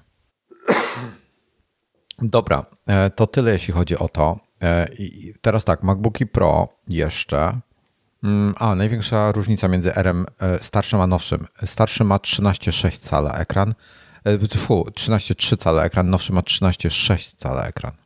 Dobra, MacBooki Pro. No Mamy i te wszystkie różnice, ale, ale w sensie, bo tam jest różnic bardzo dużo, prawda? Bo to jest i kamera tak, inna, oczywiście, i oczywiście. wszystko tam jest inne właściwie. Chodzi o to takie wizualne na pierwszy rzut oka. Trochę, wiesz, nowsza, nowsza zewnętrzna konstrukcja jest cienki bardzo i ma po prostu większy ekran w tej samej obudowie. Ma taki jakby, powiedzmy, bezramkowy, jak to mhm. się teraz mówi, ekran. Mimo, że ma ramki. Ale mniejsze. Tak. I wygląda nowocześnie. Po prostu wygląda nowocześnie, bo tamten Air już wygląda przestarzale niestety. Mimo, że to dalej świetny komputer. Dobra, a i te 13,6 cala rzeczywiście robi różnicę. Ale 14 cali w MacBooku Pro nowym robi jeszcze większą różnicę. Więc tak. E, MacBooki Pro mamy trzy. 13,3 cala to jest ten stary, stary MacBook Pro z touchbarem, który, który był od wielu lat, który miał te problemy z klawiaturami i tak dalej. E, wsadzili do niego M2 w tej chwili. E, jest tam chodzenie aktywne. Absolutnie nikomu nie polecam tego komputera. Ża- w ogóle nie wiem po co on tam jest, pod żadnym pozorem go nie kupujcie. Powiem w ten sposób. Chyba, że ty coś wymyślisz. Próbuję. Y, to znaczy, znowu, no, gdybym siedział tylko w tym Photoshopie, no to spoko. Spokojnie mógłbym nim ogarnąć absolutnie wszystko, bo to jest wciąż lepszy komputer niż najbardziej wypasiony Mac Mini z 2018 roku, który ogarniał naprawdę bardzo dużo pliki. No ale znowu dochodzimy do tej uniwersalności, do tego, żeby jednak komputer był do wszystkiego i y, no to na pewno wolałbym dopłacić do MacBooka Pro 14-calowego. E, po, tak, po pierwsze lepiej dopłacić do 14-calowego, po drugie już od tego MacBooka Pro z M2, to już wolałbym MacBooka R z M2, bo przynajmniej nowoczesny ekran i inne rzeczy.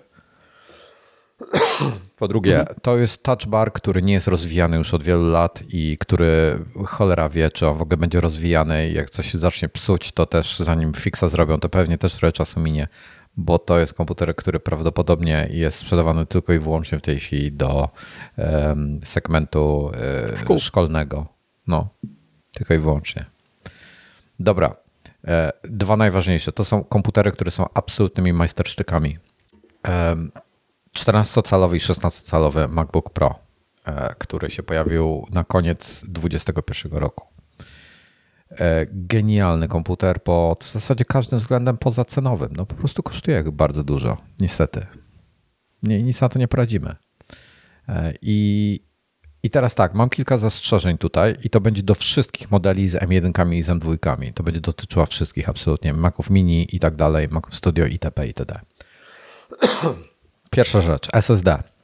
W przypadku M1, M1, M1 Pro, M1 Max minimum SSD, jakie, może, jakie powinniście, możecie oczywiście wziąć każde, ale jakie powinniście brać? 512 GB. Chyba, że wam nie zależy na prędkości. Starsze modele były dużo wolniejsze. W sensie, przepraszam, wróć. Modele o mniejszej pojemności były dwukrotnie wolniejsze. W przypadku obecnych serii to 512 są wolne, jednoterówki dopiero zaczynają być szybkie e, i potrafią osiągnąć rzeczywiście te, te, te, tą maksymalną wydajność te, tych 7, 7 e, gigabitów na sekundę, gigabajtów na sekundę, gigabajtów. podczas gdy na przykład gigabajtów, tak, podczas gdy 512 3, 3,5 benchmarki na iMagazine znajdziecie moje, e, inne gdzieś wszędzie w internecie są, więc jest tego sporo. Także nie widzę powodu, jeżeli wydajecie tyle pieniędzy na komputer, e, to, to wiemy, ja wiem, Apple nie powinno wprowadzać takich ograniczeń prędkościowych, to jest, e, to jest szczególnie za takie pieniądze, to jest oczywiste, natomiast robią to e, i po prostu weźcie większy dysk i tyle. Żeby mieć pełną, bo jak już wydajecie tyle 10, kasy, to po co się... Około 10% dopłaty, tak? Już powiem dokładnie. Baza kosztuje 12 tysięcy w tej chwili, cena z dzisiaj. E, dopłata do większego SSD kosztuje 1200 zł, więc dokładnie 10%. E, więc po prostu weźcie jedną terówkę, nie kupujcie go z 512. E, czy, czy to Mac Mini, czy, czy MacBook Pro i, i, te, i tak dalej. W przypadku M1 możecie sobie pozwolić na jeden krok niżej, czyli może być 512 właśnie, bo ona już jest szybka. Po prostu o co chodzi? E, układ się składa, jeżeli SSD się składa z wielu chipów mniejszych, na przykład 512 składa się z 4 128, będzie szybsza niż taka składająca się z dwóch 256 albo i, i co będzie szybsze niż z jednej 512. No. No tylko ta dopłata tak. 10% to w przypadku tych wersji Pro, ale w przypadku normalnego M2 chyba jest więcej, bo tam są tak jakby dwa przeskoki, prawda? Najpierw musisz z 256 na 512 i później z 512 na terabajt. Mówimy o MacBooku RM2 na przykład? No, albo MacBook e, R, albo Mac Mini. Wiesz co, w przypadku Era bym nie rozpaczał za bardzo. W przypadku Era e, tego z M2, MacBook, MacBook Pro 13 cali dla mnie nie istnieje, to od razu powiem. W przypadku nie, R z M2, słuchaj, startuje od 512. I to jest jedyny komputer, gdzie ewentualnie bym to zignorował, te 512, bo e, on i tak będzie ograniczony termicznie, więc ta prędkość pewnie nie zrobi dużej różnicy mm, na SSD. Czy tak, tak, też tak jest? Bo chciałbym sprawdzić, ale niestety mój internet, e, strony Apple'a w tej chwili stwierdził, że nie załaduje. E, już, już sprawdzam, przepraszam. Mówimy o Mac Mini, którym konkretnie? M2. M2 czy M2 Pro? Zwykłe M2. Czy tam też jest 10% no. czy wyraźnie więcej dopłaty?